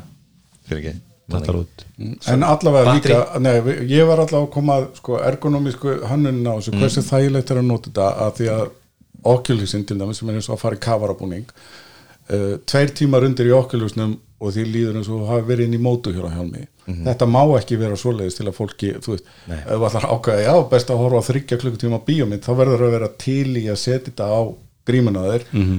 þetta verður bara alltaf þannig að því að þú þarft að loka á ljósið yfir augunum til þess að, til þess að geta gert þetta. Þannig að Já, það- en þetta er meira líka bara tilfinningin af, sko, maður er það er för eftir uh, okkulisin og grímuna og tegjurnar og allan að pakka, þetta er ekki þægilegt að hafi ef þeim hefur tekist að gera þetta pínlítið þægilega heldur en það er lausni sem eru til í dag þá er það skref fram á við. Flestir vil, vilja meina það. Þökk sé hönnun á grímunu og svo á hérna, Bandinu. bandinu aftan á þér Það sé alveg perfekt en þetta er ál í hérna, Visum Pro Þetta er ekki plast eins og það er ál og er Einmitt, þetta er allt þarna, en já. þú finnur fyrir þessu, alveg eins og þú finnur fyrir þessu með Airpods Max, nema Airpods Max það er eitthvað magic í gangi þar. Þú nærið einhvern veginn ekki að finna fyrir þessu. En flestir sem ekki að prófa þetta tölum það að þeir hættu að taka eftir headsetinu, þeim fannst það ekki mm. óþæra þungt og þá væla bara að þú slögtir á, þú hættir í þú veist, að þá þú tókst af þér þá fannst þú, já, þá var hún svolítið, þú veist, en það var enda þægilegt, en, en hérna flestir tölum það að þetta var, veist, ekkit óþægilega þungt eða stórt en þetta má alltaf létta með því að ef þú tekur gleri framan að setja kannski meira eitthvað svona hérna polykarbonate, skilju, þú náttúrulega ekki plast en það er eitthvað polykarbonate eitthvað svona dót, þú veist, það er að létta þetta eitthvað og það er alltaf sem við munum sjá næstu og, og ég hugsa sko þegar ég er að veðja gegn Apple þetta verði alveg vöru ég held samt að Apple muni reyna allt ég held að muni þessu held fimm ára held að minnsta sé líka- ég held að það sé líka alveg fullt tilefni til að því að öll þau sem hafa farið í þennan heim, farið í VR og svona, það er engin ósnortin af þessu. Þetta gefur nýja tilfinningu sem farið ekki neins staðar annar staðar, hún er uh, hún er ekkit endilega það sem ég myndi vilja gera við allt eins og að horfa á bíómynd, ég, ég er ekki alveg seldur á þeirri pælingu. Þú myndir ekki vilja litgreina bíómynd í þessu nei, en, en Þetta sé langt í þetta verði svo pró. En, sko, en ég hef samt sko mér datt alveg huga, því að núna til dæmis í COVID að því að núna aðeins að kominu þáðan að þá í, í svona kvikmyndabransanum í heild, að þá varð alveg rosalega mikil uh, þetta var svona umskipti tímabila því að við förum frá því að fólk bara venu sjá það að samþykja og skoða og reviewa hluti yfir netið Já. Og þetta er hluti sem menn hafa alveg gert með semingi áður, þetta er bara orðið norm núna og fólk gerir þetta mikið, veist, það er miklu sjaldnar þó það gerist alveg, við fáum menn til okkar og sjálfsögðu, í- eru menn, sitja menn með okkur og eru að fara yfir hlutina. En það er rosalega mikið sem við erum að gera yfir netið. Og ef við getum verið að fara að gera það að streyma einhver yfir netið, jafnvel bara beint frá hljóðveri frá Pétri eða myndveri frá mér eða eitthvað svona og einhver getur setið í dag með iPad hvað þá með þetta, þá með einhverja upplifun það sem er svona kontról, þú ert búin að sko myrkva fyrir augunum þannig að þú ert að fókusir á það sem við Já, erum að og sína í rauninni með virtual biosal fyrir einhvern til þess að á einhvern skjá sem að ég get alveg nokkurn veginn lofa því að skjáir á Apple-tækjum almennt eru frábærir. Já, þetta er OLED skjár Já. þú veist, og Sony Þannig þetta ef við, að erum að horfa okkur svoleiðis og það, það sé bara einhver að horfa á það og meta hvað við erum að gera ég myndi kannski treysta þessu tæki jafnvel meira í það heldur það. en mörgum öðrum hlutum. Sem svona lá, lágmáks upplifun á virkilega spennandi kostur í því sko. ég, ég held að þetta sé einmitt eins og við varum að tala um áðan að, að við hefum eftir að finna okkur farvegina, við hefum eftir að finna okkur use case-in fyrir þessa vöru og því að þetta er ennþá mjög opið ég velti fyrir mig hversu sterkt uh, frambóð verður á góðu efni fyrir þetta þegar þetta kemur út. Ég hef öruglega verið að vinna að því en það þarf að vera svolítið gott. Það var einhvern veginn fyndið mig þegar hann Bob Isaac frá hérna fórstæri Iger, hérna. Bob Iger segi kom á sviði sko. Og alveg þú veist loðið upp og svo já við komum að vera með Disney Plus appið á þessu sem er á iOS og er alveg örgulega lítið mála að, að supporta það þú veist. Já, en þetta sýndi eitthvað svona auka fítus Já, en hann, hann lofaði enga því sko, hann lofaði enga því, hann bara ætlum að vera með Disney Plus appið sko. og þetta verður bara þannig að það er það er engin annar að fara að gera neitt fyrir Apple. Þetta þarf að vera hitt og markaðin þarf að trúa þessu og þá koma að leikja framlut og þá koma allir hinnir Ég held samt að Disney verði með eitthvað sko, þeirra Disney Plus upplifun inn í þessu verður örglega með einhverju þannig að þú velur Já, þú ert ekki að gera það fyrir- Já, Já, það er Já, en ég segi að það þarftu meira en, en 125.000 notendur, þú þarfst að hafa einhvern massa hana, en ég held að þetta verði Þetta er klálega greiði sko Já, Já, já. já, ég, og ég meina sko. Disney hefur líka bara grætt ágætlega að veðja á Apple og vinna með Apple skilur, ég meina Apple líka er svona hreitt, þú veist, þeir eru svona clean samstæðsæðalið, þú veist, það er ekki þeir eru ekki klámbrann svona þarna eða einhverju vafasum eða Mm. stelu upplýsingunum þeir eru, eru mjög svona clean sem henta Disney og náttúrulega svona alls konar tengst á milli Disney og Apple skilur sem að hafa ekki márin. En, en þetta þarf að vera hitt. Og en ég held að Apple muni gefa þessu góðan tíma, þetta er hobby og þetta verður hobby fyrstu 2, 3, 4, 5 árin. Þú veist, þá hún þetta næri ykkur massa. En þetta er, og þetta er svo fyndið þegar maður heyra allar þessar fréttur um það að veist, Facebook sé búið að setja veist, 10 miljardar dollara 15 miljardar dollara í og maður er bara í VR og maður bara fyrir hvað, fyrir með, þú veist, hvað er þið búin að gera? Það- þetta kosti ekki 10 miljardar dollara að Við tölum um þetta á sín tíma. Þetta er bylgja sem hann var að reyna að starta en vélbúnanum var ekki nógu góður Já, en hvað- í var. Þetta er svo, það er svo dýrt að gera allt. Já, en ég segi að þetta headset kosti ekki 10 miljardar dollara að þróa það. Headsetið var selt með bullandi Nei, ég meina ekki á Apple. Apple er ekki með svona 10 miljardar dollara að þróa þetta headset. Er Einhverja er- dollara, Þetta sko. er 8 ára gammal gömul vara Já, þetta er einhver miljardar dollara. Ég þú nú alveg að lofa að það hefur verið deilt þarna á fínu launum að vinna Já, Ég að baki brotnu í mörg ár. Já, já, þeir, þeir, þeir hérna They run a tight ship hjá Apple, sko. Þú veist, þetta er alveg en það er eiginlega magna þótt að, þótt að fólk hafi svona svolítið vita að þetta væri á leiðinni það voru voða litli spekkar það voru voða lítið að legum fyrir svona stóra nýjung en, en svo er líka bara, sko, ég, ég fann bara Ég kefti mér Oculus Quest 2 í fyrra Og, veist, fólk í grumi hafði engan á að prófa þetta börnum mín hafði síndur engan að Gutti mín spilaði þetta aðeins En þú veist, ég fórum í, voru svona einhver fjörskildubóði og eitthvað, það var engin á. Það var engin sem að, eins og þú segir, sko, ef þú þú veist, prófar heroinnið þá ertu húk, skilur, og ég held að þetta sé besta heroinnið, Já. þú veist en ef þú færð fólki ekki til að prófa, skilur, þá, þá skiptir ekki máli hversu hreint það er, sko. Já, ég held, ég held líka sko að því að konstin áðan að, að byrja á prófurni mér finnst mjög fyndið að kalla þetta próf af því að það er ekkert sérstaklega próf við Nei, þetta er, þetta er bara er ekki- mjög vandað consumer product Já, þú veist, ég meina þú- við getum alveg fært rauk fyrir því að segja að þetta kalla síma Pro kannski einhvern veginn en að kalla eh, AR VR headset. Pro. Nei, þú veist. En Þetta ég er held bara þess signal, að það er verið að setja út signal. Þetta er bara, þetta er dýrasta varan, þetta er topp-end varan Það kemur önnur fyrir neðan. Þess vegna kostar hann 3500 dólar og það er náttúrulega Apple nota Pro með mismunandi hætti sko. Airpods Pro er ekki professional græja. Nei, það það, er bara. Airpods dýr. Þú veist, MacBook Pro er með líka eiginlega bara svona dýrari típan. Þú veist, svona, svona tannlækna útgáðan skilur iPhone Pro klálega, það er engi þú ert ekkert meira Pro notandi skilur en svo ertu umtlað með Mac Pro og, og Mac Studio sem er svona prófuru sem eru fyrir mennus ykkur. Ég held að þessi svona einhver stóra millum ég, ég held að sá hluti að nota þetta í vinnu bara ég er með mitt virtual vinnuungur ég er með miljón risa skjái, sérstælu og ferðalum og svoleiðis, eða bara greið prófessorundir í háskólan sem þurfa að vera í opnu vinnuungurvi, að geta skellt þessu hausinn ég, þú situr allt innu við eitthvað vatn í einhverjum, einhverjum kofa skilur og það Þetta er bara bara alveg frábæri lausn á, á þessum öllum þessum ógeðslu og opnu skrifstúður ég er eins og ég, ég þetta gæti verið æðist þetta er bara þetta er noise cancel headphones og styrum Þú bara byggir upp bás í kringu þig í virtual reality. Og mér varst alveg töf því síndum eins og einhver mann sem var, sem var í einhver svona vinnunguri og svo kom einhver rétt og og þá bara fór hann fram hjá skjánum sko, og svo snýr hann bara hérna, digital crown og þá allt í hennu bara feita allt út. Þetta er óslega töff bara, þú veist, eins og bara þú vilt fá Þetta fókus. tekur vesennið frá því sem að rífa af sér kavarabúningi þegar þú ert undir í Oculus eða einhverju svo leiðis og ég En held að sáðu þið líka, þú veist, viðmótið það er að falla skugga á dótið þitt já, það er geggjur Já, og þá voru þeir sem prófaði þessu tölubrum að það- þú- þetta var súrelýst hvað hluturinn sem þú horfður á var þarna. Þú lappaðir í kringum hann og hann var þarna. Þú sást skuggan á honum og glampan á honum og þetta er alveg sko og, og ég eins og segi, ef að þessi græði myndi kosta segjum 200 skall í bandarækjunum ég skal hefur, ég myndi gera allt sem ég geti þegar rettum er reality pro Já.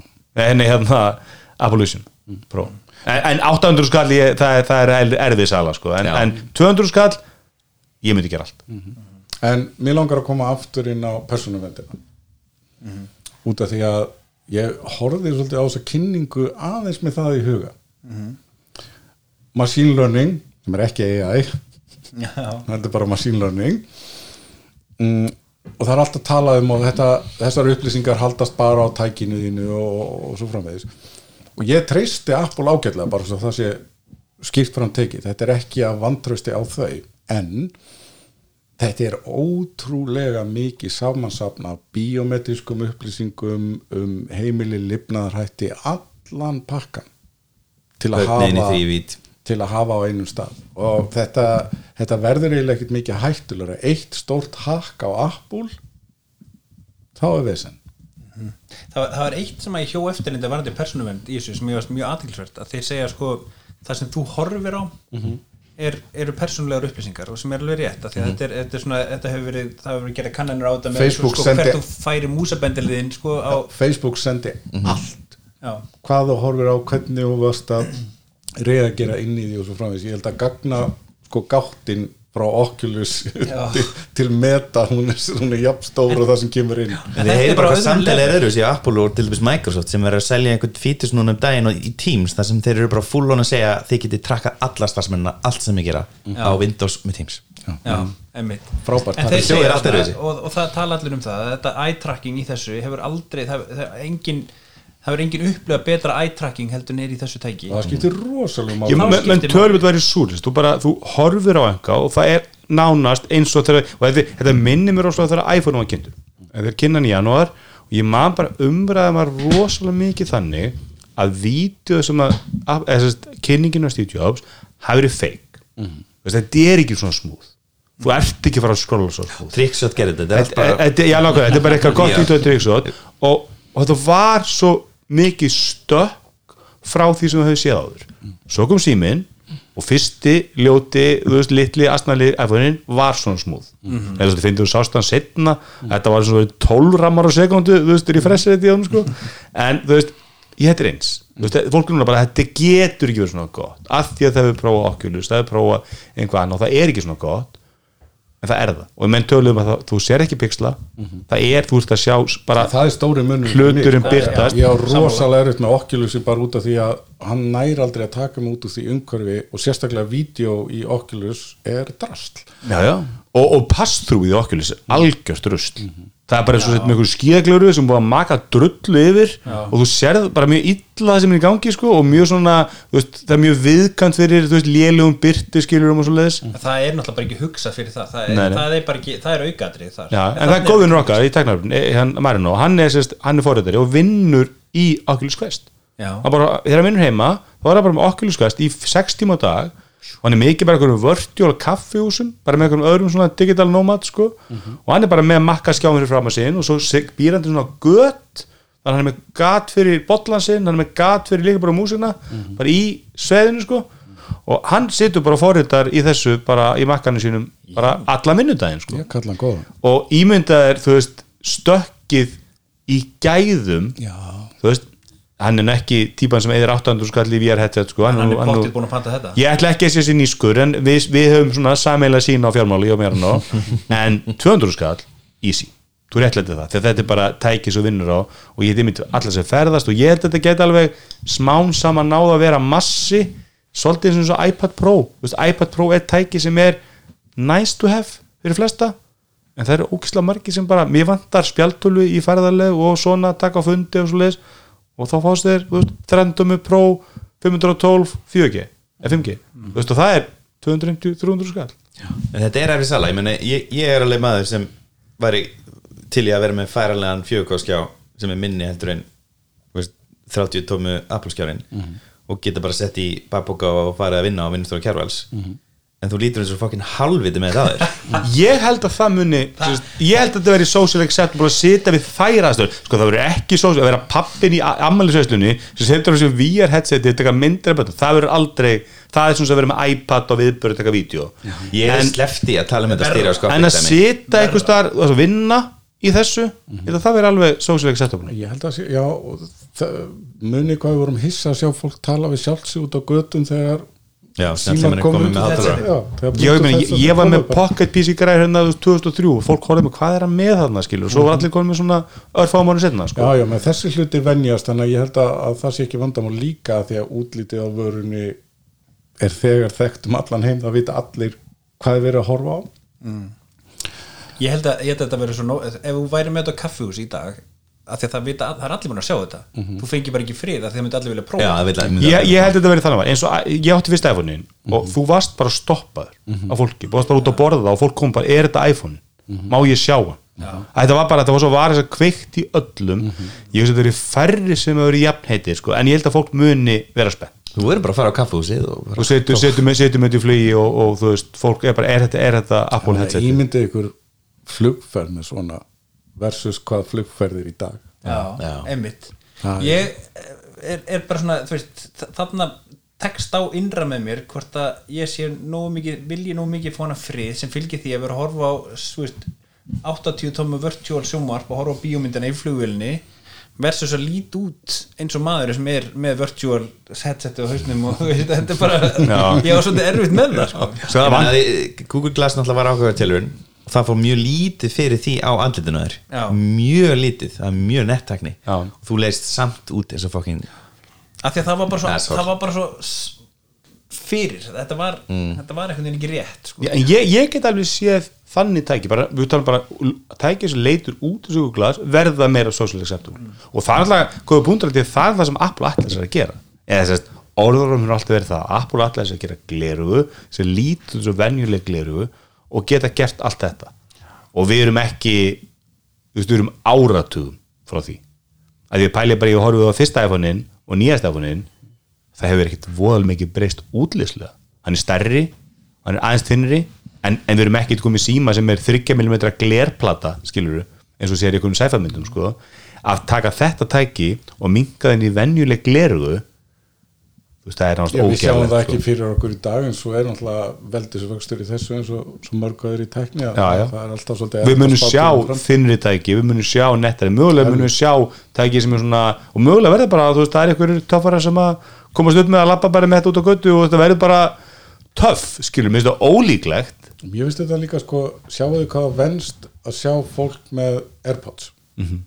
líka því að varan er áberandi, hún er reyndar hérna ekki hvít, hún er grá eins og gömlu hérna makkanir en snúran er hvít, snúran skimur hún er hún er og þessi slinir er þetta hvít. Ég, ég mitt fattaði ekki þetta væri gamli makk liturinn. Mér finnst það ótrúlega falleg tæki. Mér finnst það rosalega falleg indöð og mörguleiti, ég ætla ekki að segja óappuleg, en þetta er svolítið nýtt hönnun á tungumálana, mm. margt þarna það eru elementarna úr iPhone, iP- Apple Watchinu, iPhone-unum og svolítið, það minnst margt mjög svona nýtt þarna. Mér fannst þetta samt bara vera svona eins og hug- hugsað fyrir að væri með Airpods Max með Já, þessu sko. Þetta er svo, getur þú að sé einhver úst, úr teimur sem hann aðeins maksa með Já, þarna? ég get- ég get trúið því. Mér finnst það mjög fallegt og hérna og virkilega hændið eins og just, við munum örgulega finna þann Íslending sem nær í þetta og fá ekki ekki í kaffi sko. en, og svo er það bara líka það verður gaman fyrir mig alveg, ég er mjög spenntur að heyra hvernig hljómburðin er leistur Já. fyrsta sem ég gerði sem ég var að í burt drasl heyrnatólin sem að hafa ekki verið eitt nóg í og setja mín eigin á já, sem að fara yfir eirun sko en hanga á spönginni á, og, og þú veist sem að var á þeim sem kom fyrst sko. questin er náttúrulega öðruvísi. En þau eru náttúrulega að selja atmosfærik, þau eru að selja sem sagt, uh, Spatial audio. og hvernig það verður leist og hvernig það verður gert eins og náttúrulega búið að gera í Airpods og svo framvegis, ég meina hvað, hvað er þetta gott ég hlakka til þeir hafa sínt sér ótrúlega í hljóði ég meina meiri sem við vorum að tala um tölvunar bara, ég meina það er gott hljóð í tölvunum og svona ég, það. iPadunum já, já. En, en, en, ég, ég, þegar ég prófaði Airpods Max og Airpods Pro í, til að prófa Spatial Audio mm. Ég er með 15 ára gamla KEF hátalara með Yamaha magnara og bassabóksi og með þessi Airpods Max á ekki síðan þetta er eins og bera saman þetta er eins og bera saman símalinsu og, og einhver alveg Já, já, en það er líka ósangjart samanbyrður á móti kemur að, þú veist, ég á hellinga aðeinslega góðum linsum, ég nota símalinsuna mína í 99,8% tilfella. Algjörlega, af því hún er með hana. Ég, meni, ég kem Airpodunum mínum í, í, í litla vasana galabessunum og það, það var en Kefspíkararnir eru hundleðilegir að dröslast með sig þegar maður er að ferðast. Algjörlega, algjörlega Já, að setja kortsætt NBA-leikjanum. Tjúfull var það töff. Það, mjög mér svolítið geðvikt að það sé bara eitthvað unit eða eitthvað þú situr bara, þú ert bara að horfa á leikin hann og það, þeir sem vilja eru bara að horfa á leikin frá- Þú bara kíkir og Jack Nicholson öðrum meginn og, og þú veist, einhver töffar hinn meginn ég er mjög spennt fyrir því. En ég held að þetta sé ekkit space heyrnatól eins í bone conducting. Ég, þeir hafa, ta- Nei, þetta er ekki Nei. og menna að tala um að þau séu mjög góð. Og það sé alveg mjög immersing sound og þetta fyrir ekki yfir erunar nei, Nei, ég er auðvitað pæli, ég ætla að það sé heyrist þá mikið út af við, sko. Það var já, að vera. Ég hef ekki heyrt náttúrulega það, en, en ég, allar nokkur youtuberar og ég hlusta eitthvað podcast, þessu töluburum að soundið var mjög gott í það Bara bass, það er svolítið mikið að bassi og tæknina nýjungum í hljóðvörpun uh, sem að er búið að vera að þróa í áratöyu og mögulega er eitthvað þeim lausnum að, að koma stert inn og, og Apple, þú veist, það er svo fyndið með Apple bara eins og með noise cancellation. Það var bara bara sem Bose átti ég fór, fór í eitthvað flug, ég fekk lánaða Bose hana NC700 og Bose svona innir Airpods Pro rústuð og þá er þetta um gömlu Airpods Pro. Þú veist, það, bara, það var ekki sam, sama verið hægt. Nei, Bose átti þetta. Átti það gerði þetta engin betur en Bose. Sony tók þetta næst vil ég meina. Uh, ég er búin að geta allt.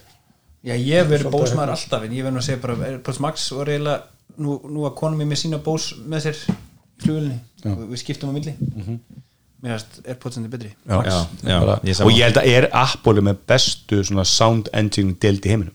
Það er alveg bara eins og komið bara iPadanir og 12-urnar og þetta tótt hvað þetta bara magna hvað eins og iPad ég, Pro ég vil næg góði þessu, þetta eru bara galdra stundu sko. Já. með stærðin á, á háturunum og dræfurunum á er bara ekki að vera hægt. Nei, svo er líka bara eitthvað við, úst, alltaf þegar ég fer á heyrnatólum mín þá vil ég alltaf vera að fykta í equalizunum eða hann að þessum prófílum sem er í bóði, samprofílunum. Sem átt aldrei að þurfa að bóti sem ég pæli aldrei þegar ég er Airpods. Aldrei. Nei. það var bara að vera gott sound punktur. Já. og það sem að var kannski að, að noise cancelling hjá Bo- Bose í fyrstu kynsluðunum var æðislegt en hljómburinn í þeim var ekkit sérstakur. Nei, nei. og það er nú kannski svolítið líkilatri líka en að fljúa með bara að fljúa í fyrsta skipti með noise cancelling heyrnatól bara líður eins og í bíómynd. Frábært. En það er líka sem Apple gerir sko, þeir taka alltaf svona veist, þau. þau fyrir ekki, alveg rétt. Þau hjá Apple taka átt svona harða línur hlutum. Og það er gott ef það í AirPods Max það sem að Sony og Bose og allir eru með svona átál ettvona og, og ef að, ef að batteri er þá getur þú snú- stungið snúrinsamband ekki AirPods Max af því að 90% soundin er hugbúnaður og því er ekki leifað að heyra rátt soundið í AirPodunum þannig að þú gleymir að hlaðu þá er þetta bara fátt og það bara tekir hörða ákvörðun hún er bara út frá gæðum. Við gerum það vel og hittir bara gæðri Nei, ég kann að mynda það. Því. Það er, það er, það er, og, og ég meina við sko, ég held að við erum alltaf að tala um þetta er allt bara svo staðna og boring þú veist hvernig verður það er, það er dýnamisk eiga á nýja iPhone-um. Það verður USB-C, þetta er allt bara svo boring þetta er bara veist, aðeins betri sími. Ég meina þú ert spenntur fyrir USB-C-inu sko. Það Ég- ég er þetta mjög- mjög spenntur. menn En- en- spennt fyrir fítsinn. en ég, fór úr 11 Pro Max í 14 Pro Max í lán og fór svo kefti með 12 Pro Max og ég fann eiginlega mun. Þetta var bara ég fann ekki hraðamun, ég fann ekki mjög mynda en þetta, þetta er orðið svo rosa lit miklu núansar í hvað stökkinu sem finnur. Getum við ekki sagt bara þetta sé orðin rosalega góð tæk þetta eru frábært ekki, þú bara staðnað það er líka andrótt megin og þetta er bara í flestu ég meina, tölfur í dag hafa náð miklum frambur í hönnun og svo leiðis bæði út, bara út fyrir Apple líka. En nú er komið vara sem er bara svona þetta, þetta er svolítið svona Galaxy Fold vara Þú veist, það er önnur svona vara sem er mjög áhugaverð og margir hafa trú að verði svolítið framtíðin. Er ennþá bara hobby og flestum er drullu sama. Þannig að þú veist það er jafn spennandi að vera sérstaklega út spenntu fyrir VR að fylgjast með Apple og bara þetta verður mjög spennandi tímar. Ég held að í þessu liggi svo staðarind að Apple hafa verið rosalega góð í því í gegnum tíðina að taka fyrirliggjandi tækni og koma með henni sem er betur en allt sem er í bóði á þeim tíma. Og koma á réttum tíma. Ekki fyrst. Býða þangað Bíða. til þetta er Ég orðið held að þetta sé erfiðasti tíminn. Já. já, ég veit bara Erfiðasta kynningin og erfiðasti tíminn. Bæði erfstímin og svo náttúrulega hefur bara Apple hefur breytt í hvernig, hvernig fyrir ekki hanna vör ég með það var bara þannig að veist, þegar Dell hannaði fartölfur það ferli var bara að það voru ykkur verkfræðingar sem hönnuðu tölvu út á framlýsluvinni Apple tók út að þú ert með markasfólkið á fyrsta fundi. Hvernig getur við selt þetta, hvernig getur við framleitt þetta? Og þeir hönnuðu allt ferlið og og bara virðingu fyrir hönnun og yðn hönnun sérstaklega sem að eh, er bara inngreift í kúltunum þeirra og fer vonandi aldrei að það hefur gefið okkur það sem að önnur fyrirtæki leitast síðan við að herma eftir. Og ég held ég með þannig að bókin sem kom um, um hann að Johnny Ive í fyrra þannig að how, hvað, Apple became a first trillion dollar company and lost its soul að þú veist það er svona verið að gefa skinn að hönnun hafi svolítið ekki skrifa aftur og bak. Þú veist þetta tæki afsannar alltaf. Ég meina þeir eru búin að, þú veist hvað eru margir geirar þarna sem þeir bara geta bara hérna eye-tracking og allt þetta, þetta er, þeir eru framar öllum. Já, ég meina, ég heyri ekki eins og rattirna sem eru bara, já, okkur skerði þetta fyrst og það skiptir engu máli. Það skiptir engu máli þótt að önnur fyrirtæki hafi átt MP3 spilara áður en iPodin kom út. iPodin bara virkaði og það elsku hana. Það var eitthvað sem kom með það á hérna, Facebooka mér, eitthvað svona eitthvað, ég kollaði þetta fyrir tveimur árum að hérna, pass-through, video pass-through er þið málið, nei, Apple kollaði fyrir átta árum Já. og er búin að vinna í átta ára að búið þetta til. Ég meina orðurum er alltaf verið að Apple var að vinna AR headseti það var aldrei að tala um VR headset. En það töluður aldrei um Ég VR held að það sé bara, þau passa sig þeir svo tölu rosalega. aldrei um headset. Nei. Já, um Nei, headset við skulum ekki gleyma einu og machine learning versus AI og allir þessi pakki er að þau passa sig rosalega í að hengja sig ekki á annara trend, þau búið til sín eigin. Myndustu enga, það töluðu ekki um Oculus það töluðu ekki um, myndustu engin er Það er aldrei að segja En svona. Þau hafa alveg gert það, ég menn að Steve Jobs kynnti iPhone og þau síndan einhverjum svona snjálfsíma ég bæði mæli með Blackberry myndinni. Mm. okkur mynd sem um Blackberry Já. frábær mynd, bara þetta er frábær bíómynd þetta er mjög áhugaður saga og það er mynd bara moment í þegar kynningin er í gangi og þau eru bara what the actual fuck sko. það eru verið með takk, mynd, mynd af okkar takka síma þannig að skjánum sko. mjög góð mynd En hérna, hvað er þetta? sko, Þi- Þetta er ekki síndarveruleika gliru nei, mér langar að segja eitt bara því að öll þess, allar þessar kynningar sem við erum búin að tala um sem að hafa svo Apple neglind allt saman ég er ekki viss með þetta Þau sögðu nefnilega tvo hluti Þau sögðu spatial computer Já. Og facial computer sem er bæði Facial hræðilegt. computer? Já ég heyri það ekki Ég heyrði ekki facial, ég heyrði bara endan Já, hann sagði spatial computing Já, spatial computing og facial computer. Já, já, og hérna, sem sagt á íslensku það var þetta andlitstölva sem er bara hræðilegt. Og rýmistölva. Og rýmistölva. Hann sagði mjög mjög góð setningu þetta er fyrsta Apple sem horfir í gegnum en ekki á, finnst það æsli setningi á Tim Cook. Já, skemmtilegt. Þegar maður byrja kynninguna. En sko, það sem, að, það sem ég ætla að segja við þetta var að þegar þeir kynna iPhone að þá koma þeir með besta síma í heimi og það eiga allir síma. Þegar þeir kynna nýjar tölfur þá kynna þeir bestu tölvu heimi og það eiga allir tölvu þau eru allir nýja Þetta tölvu er mjög góð punktur. Ég meina skoðaðu PowerBook 12 frá 2001 Titanium Já. hún er fallegri heldur en veist, googlaðu PowerBook Titanium Einmitt. og Dell frá sama tíma og það er alveg meina það, það hefur alltaf verið þannig. Já. þegar þeir kynna heyrnatól þá kynna þeir bara bestu heyrnatól í heimi og vilja allir fá svona heyrnatól en núna eru þeir að kynna eitthvað sem enginn á og ég segi enginn að því að jú, það á einhver Já. ákilus en þú veist það, ég, engin, á- og, er enginn hefur er sínt áhuga að kaupa. Þetta er ennþá sillumarkað sem að flestir voru farnir að hallast á þá skoðun að væri að deyja. Sko, Já, það, er, og það eru fyrirtæki hægt að framlega titla Einmitt. fyrir VR og AR og svo framvegis. Já, það er enda náttúrulega með þetta tilkynnt hérna með eitthvað þrjú bara viku fyrir til þess að draga úr. Þess að fá að þeir eru það gjör svona drap kynningu Apple. Maður fann það, bara. Medica, það var and- ég- Medica trú andurslöftu kynningunni. ég talaði mitt um það á sín tíma því ég las grein eftir gaur sem að bara fór aðeins og bara hakkaði sig inn í að skoða hvað uh, fyrsti questin var að senda til meta. Og hann var alveg bara ég veit að þau eru að trakka okkur og eru að nota en sko magnið af upplýsingum var bara alveg rosalegt. Ég treysti Facebook sem entity ekki lengur ekki trækt Nefnit það er nú eiginlega ekkert mikið flóknar Það eru 20 miljónir quest-tækja búið að seljast frá upphæði sem er svona, það er eitthvað en sem eru svona vinsalasta VR headset allar tíma. Veist, það er mjög, og það er mjög ég, eins og ég kefti hvað, þetta er- þetta er æðist ekki að fyrir þetta er one in, þú er bara með öllu stýrikerið er fín, þú veist, fullt af góðum leikjum á þessu. Eins, eins sem byrjaði bara, ég, ég, ég seldi bara því ég kefti okkur mánu, notaði þetta aldrei eða þannig ég seldi það bara, en ég náð mjög all, alltaf, sko, fókusin það var allt úr fókus. Þú veist, það var rosalega þröngu fókuspunktur og skipti í prófanda gleru með þess að þá gæst sett gleru það svona brakkett fyrir það sko. Og þetta var bara aldrei þægilegt en ég er alveg samanlega sem Pétur sá þegar það hittir og minnst alltaf magnast, þú er búin að vera í VR í eitthvað tíma og svo þegar þú tekur gleru þá er það alltaf hálf súrlýst hvað þú ert ekki að það svona varst. Þú bara, shit, ok, ég er hérna Já, en þú segir að, að hérna, þetta sé eitthvað sem fólk á ekki. En þetta er í rauninni bara tölva og skjár. Eða tveir skjár mm. Já, sko, það, það er náttúrulega bara það sem þeir eru að selja okkur skilur við, það, þeir eru að leggja í rauninni til bara, þú, þú gæti not, þau gæti, gæti nota ja, þeir sem voru að sína okkur, segja okkur þetta. Já. ok, en, en það er verið að koma tillögu að hvað hva, hva þú getur gert við þetta tæki.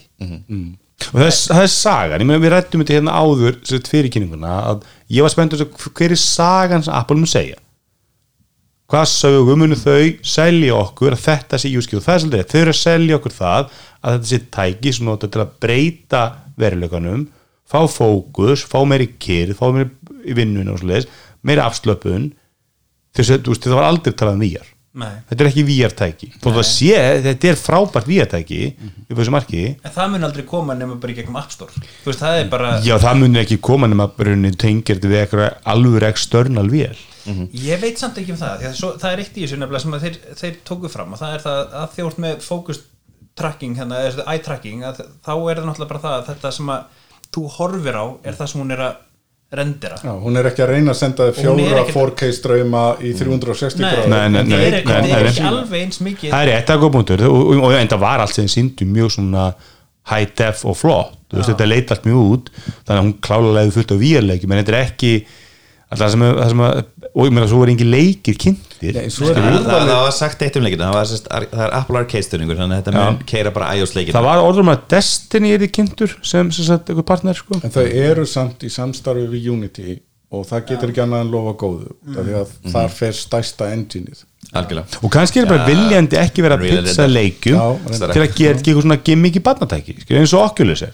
Bara, þetta er meira professional tæki þetta er svona er luxustæki fyrir 1% að ferðast skilur, það er svona Já, áþreifanlegir, og þetta er strákar. tölva, einmitt. Því að það voru tveir hlutir hann að kynntir þessari kynningu. Vision OS var líka kynnt. Og það er eiginlega stærri partur heldur en þetta. Er það Vision OS 1 eða? Eh, er það ekki átján eða? Nei, 17 ég veit ekki, góð spurning. Er það, er það ekki bara iOS skuli er, er þetta ekki bara alltaf iOS? Þetta er bara sama, þetta vir- virkar eins. En það er voru- eitt sem við erum ekki búin að tala um að mér langar að minnast á þetta, það er FaceTime. Af því að það var sínt þarna í þessu talandi um creepy. Ta- Un Uncanny Valley. Uncanny Valley sko, mm. að þetta að, að þegar þú komið þetta á hausinn að þá er náttúrulega eftir bara að skanna andlitið á þér. Þannig að þegar þú fer í FaceTime samtal við ykkur að þá færðu þrývíta rendringu af andlitun á þér sem er að nota myndaverðin að að trakka hvernig þú ert að hreyfa þig til þess að koma með rendringu af þér á skjánu hjá einhverjum öðrum. Sem er reyndar aðteklisvert að það var minnst á að ef, ef að þú ert með svona og ert að tala um einhvern annar sem er sama að þá getur þú hort í kringa því þá er þetta þrývítar andlit og þú getur, getur svona uh, hort á það sem þrývítar element.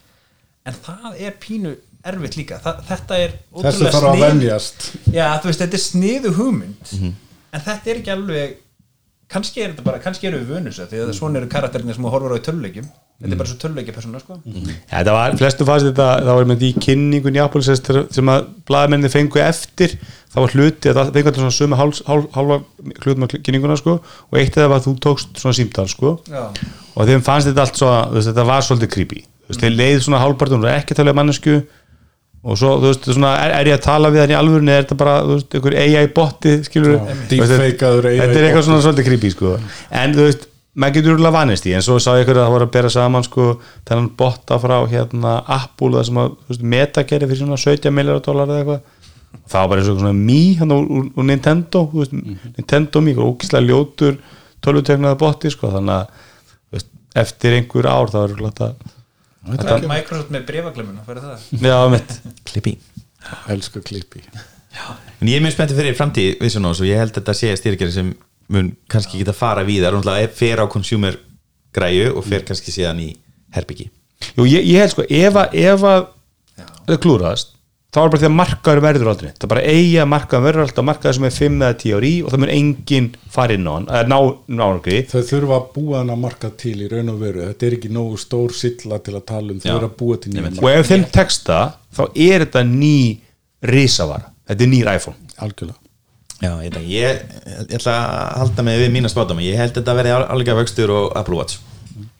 Og þetta verði aldrei svona stort ég held að það sé langt í við fyrir sem út skjánum Já, það getur vel verið, en svo er það bara aftur, þetta, þetta kemur bara inn á hversu þægilegt er þetta, hversu gott er þetta. Ef að við venjumst að nota það þá við, allt sem að við byrjum að nota sem okkur finnst gott komum við aldrei til að hætta að nota. Og Apple hefur alltaf geta hanna vörur sem að virkar auðveldlega fyrir nýla þú getur látið ömmuðin að fá þetta og hún skilur þetta. Og það, það eins og með Oculus ég man, þeir sem prófuðu mér, það var alltaf svona það var svolítið maus þú veist, farið þarna, þú veist, alls konar takka sem hann eftir bara, þú notar augun og klípur til að, og var- Engin þú veist, þessu- stýripennar. engin stýripennar, þú veist, og þessi Ennþá. hluti sem að þú veist, en þá Já, en þá en þú gast náttúrulega stýripenna og mús og leiklaborð Já. og virka mús líka? Já, þegar síndu eitthvað að spila hann NBA leikin og þá var hann bara með stýripenna og svo var einu, einu vídjónu þá var hann að vinna bara í, og þá var hann ekki macOS hann var bara með þessa skjáu uppi og svona, hann var bara með líkla búr og Svo getur hún þetta tengt við makkan með því að horfa á hann. Já. og Já, það er það- ekki líklega bara yfir músina Það verður gaman að segja hversu vel, hversu smúð það er. Já, Og ég var svona- þar hugsaði ég einmitt um í vinnunum minni, ég geti verið í fjárvinni ef ég er heima mér með bara liklaborð og þetta, ég myndi tengjast í vinnunum mína, það sem ég er með þrjá skjái fengi þá allir upp að geta unnið. Það var alveg svolítið impressivt ég er búin að koma að staði þetta er bara einn skjár einn fjögur skjár sem færð. Úr tölvunni? Já, Já. Það sérst, út, út af því þú ert að streyma í hérna lagless næstu Já, já, þú getur ekki af verið með- tölvunni. En auðvitað getur náttúrulega verið með þá mikið af efninu sem þú notar þú veist, þú getur verið með alls konar auka forrið sem er þetta bara iOS forrið til það síðar, það er til fullt af forröndi sem ég nota í dag til þess að tengjast við uh, eins og Parsec sem að kannski þekki sem að þú getur verið með tvo skjái eða þrjá skjái og getur verið yfir netið, verið heima hjá þér og getur tengst fyrir þeim skjám Já, já, já, veist, en, samkvæmt Já. dag, dagbörgu núna þá er bara einn í bóði á. Makkos punktur. En þá? Já, en þá, en ég seti mynd, ég hlakka til að sjá það þróast, ég var mynd bara ímynd mér geggja, ég get fengið þrjá skjáðunir á vinnustofu Kjærvals, þú veist, love it.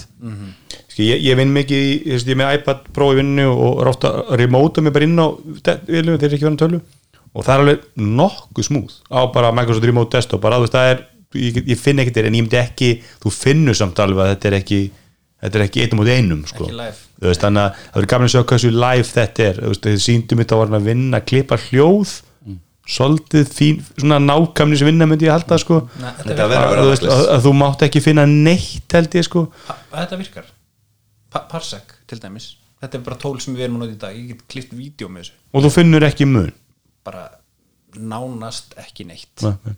Þetta er mjög spendi og ég, ég, ég held að þetta verði leiðin að fá veist, 1% ríka fólkið fagmennina til að nota þetta og einhvern veginn, veist, og í- svo munið er veist, láta einhverjar popstjörnur og Kanye West um bóka að koma með þetta í næsta viðtali á Alex Jones, veist og svo talandi um og hérna og fá, fá áhuga miklu frekar heldur þetta eitthvað leiktæki það er, það er ekki leiðin held ég og held að það sé rétt mati að miklu stærri markar, ég meina leikjamarkarinn er hjút, við vitum það alveg en það er mjög erfið samkeppni aftur á móti kannski náðu að búa til eitthvað nýja sillu sem að við sjáum ekki fyrir í dag. Já, og líka, og líka bara Apple þurfti að vera með eitthvað hana mm -hmm. að það eru þú veist, það kom út nýtt hana VR headset frá Playstation. Fyrir Playstation 5 sem var mjög Þetta er gott að gerast, það er er mjög, það er mjög vel að það. það er mjög, mjög vel hefnað. Þessum hafa það er- það eru- það eru hærri upplöðust á skjánum og þannig ertu með mun hærri eða, flottari leiki. Það eru mikið á flottum leikjum á og það er þeir sem eru það er svona silla Playstation nördum sem eru bara mjög áttu Playstation VR og Playstation 4 og elska sitt Playstation 5 VR og góðu verði líka þetta sem mann ekki kostið 70 skall eða eitthvað. Já, ekki 90 90 eitthvað. og ná, og ná 80 svona töluna já, En það er nú, þú fær nú alla sko spöngina á þetta, þetta á 750 það er einmitt, það er á það það er svona yfir hausinn spöng líka.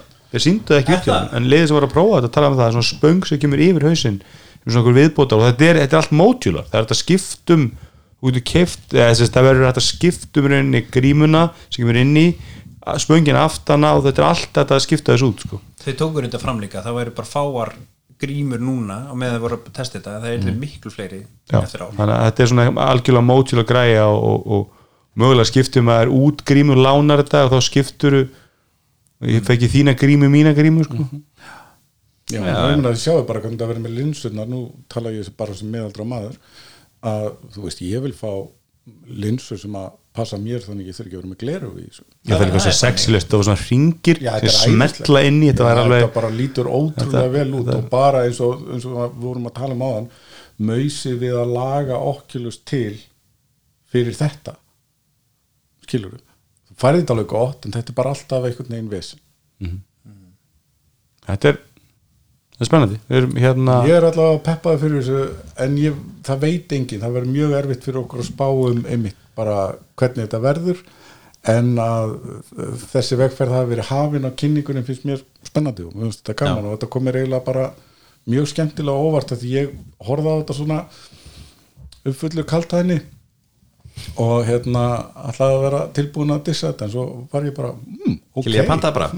Já, ég held að samtala okkar að enda þegar ég hringdi í Pétur ég sagði bara þetta er margt gott, margt mjög slæmt. Og svo þuldi ég það sem ég fannst og svo, en ég verður örugglega að kaupa þetta samt.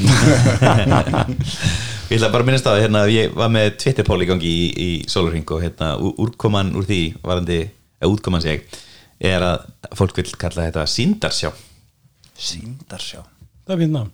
það var ansins að drýmistöluna, allir stöluna og, og fastölvi sem er, er, er bara miskilingur um mér, ég ætla að segja fjestölva sem er ekki gott orð.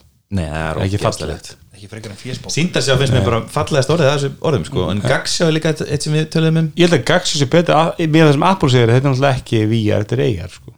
Gagsjá er viðbætt. eiginlega svolítið flott orð. Viðsjá viðsjá Nei, nei, það er eitthvað annað En sí, þetta er náttúrulega, það er verið að gefa einhvers konar sínt en, en þú ert núna bakk úr hjálm ég síðast að þetta Mér finnst þetta að ógæsta vel við PSVR dæmið. Já, það er svo hjálmur. Það, það er alveg hjálmur, það er leikja Það hjálmur er nýja? Já. Ég ætla að prófa, ég er ekki mann að sjá það en það er svolítið sem Airpod Maxin sko, að, þú veist, menn tala um það, þú veist, Bose-in og Sony-in eru bæðu plasti ekki eins sexy, en miklu léttari. Mm -hmm. Airpod Maxin er slungur sko. þú finnur alveg fyrir honum hausnum Það er líka bara eins og þessar málmspangir sem þú getur dreigið niður til að stilla þig af og svona, þetta er svo massíft sko, þetta er svo vel hannað. Beauty is pain. Já, ég meina, ég uh, talandi fyrir hönd þeirra sem að sitja með heyrnatól drúan hluta á deginum, skilur, þetta, þetta er allt þægindin er allt og ódýr heyrnatól eru yfirleitt aldrei þægileg. Nei, Nei. Þetta skotu okkur hérna út af.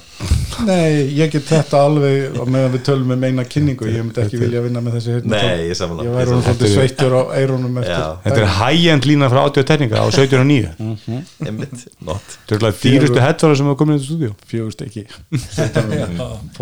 stikki sko. Ég held að þú myndi komið þín eigin þetta er, þetta er Ég Nei, sko, Pétur, þetta var, við vorum alltaf að taka upp í húsnaði kjarnars og þetta var alveg svona, þú það var að bjóða Pétur fyrsta leið sko þegar þeir fluttu út á Granda kjar- kjarnin þá breytist það podcast út í svona ákveðna lager, þannig að við vorum að taka til upp á lagernum.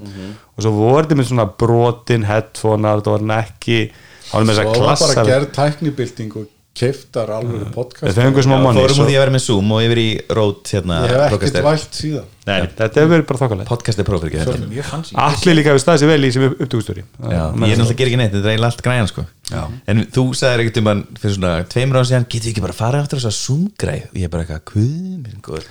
Og ég fór og fletti, hlustaði á nokkra þetta og þetta er, það er rosalega munur á það. Hefur, þú prófað hann eitthvað svona, eitthvað svona AR audio, ég sagði hvað er held ég að Adobe sem er eitthvað sem er eitthvað podcasting app og þá voru það að taka bara upp í veist, hérna snúru Apple headphoneum og svo var þetta kert í genum eitthvað svona AR og þá bara, það soundaði bara svo verið tekið besta stúdíumæk sko eigar hreinsun í dag er orðin vandræðalega góð. Mm. það er nú bara staðrind þannig að ég er nú, Adobe eru svolítið duglega alltaf í þú veist að gera þessa hluti vel. Uh, ég fæ svolítið að hljóði til mín frá hinum að þessum stöðum í mjög miskóða ástandi og einu sinni var bara nýlega var klippari sem ég var að vinna með sem sagði bara já, heyrðu ég prófa að kera þetta gegnum svona eiga, ég sendi þið það líka. Það var bara miklu betra heldur en allt annað sem var í bóði sko. Já, þannig að ég er ekkert hissa á þessu. Ég held að að fylla upp í eyður þú hefur grunn upplýsingar er eitthvað sem að AI verður mjög gott í. Mm. Já, þetta er mic check verið beta. Já Herri, eru ekki bara góður hans? Er ekki búin að ágæti sig verða? Hvað er tíminn? Við erum komin í 90 myndir blúr það var það neitt Þetta er nú örgulega hvað var styrsti metið okkar? Við færi vel, yfir tvo held ég Já. Næstu Tveir, þrír tveir og hálfur eða eitthvað svona Það er alveg Er þessi þáttu verið búið í tech support Tökum kella fyrir stuðningin Já, er, er Ísa teknarpið Já En takk fyrir komin svo, takk fyrir hérna að koma í, hérna. Apple Já, takk. Nú kannski ekki ég lýsi þér að, að, að, að hörðu sér döð fyrir okkur en, en, en hann þarf nú að ná þessar þessar flensu. Það verður áfram til skil.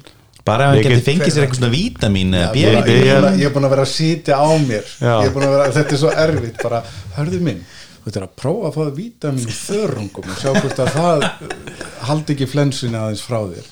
En ég bara, þú veist það var takk fyrir að byrja. Já, já, þetta. En hörðu fær rós fyrir að, fyrir að meðlega Bjarka því að þú bara komið vel inn. Já, Takk fyrir það. Þetta er mikla af Apple þekkingu þannig að þetta er, þetta er mjög skemmtilegt. En bara takk fyrir að koma og, og takk fyrir þáttinn. okkar var ánægn Takk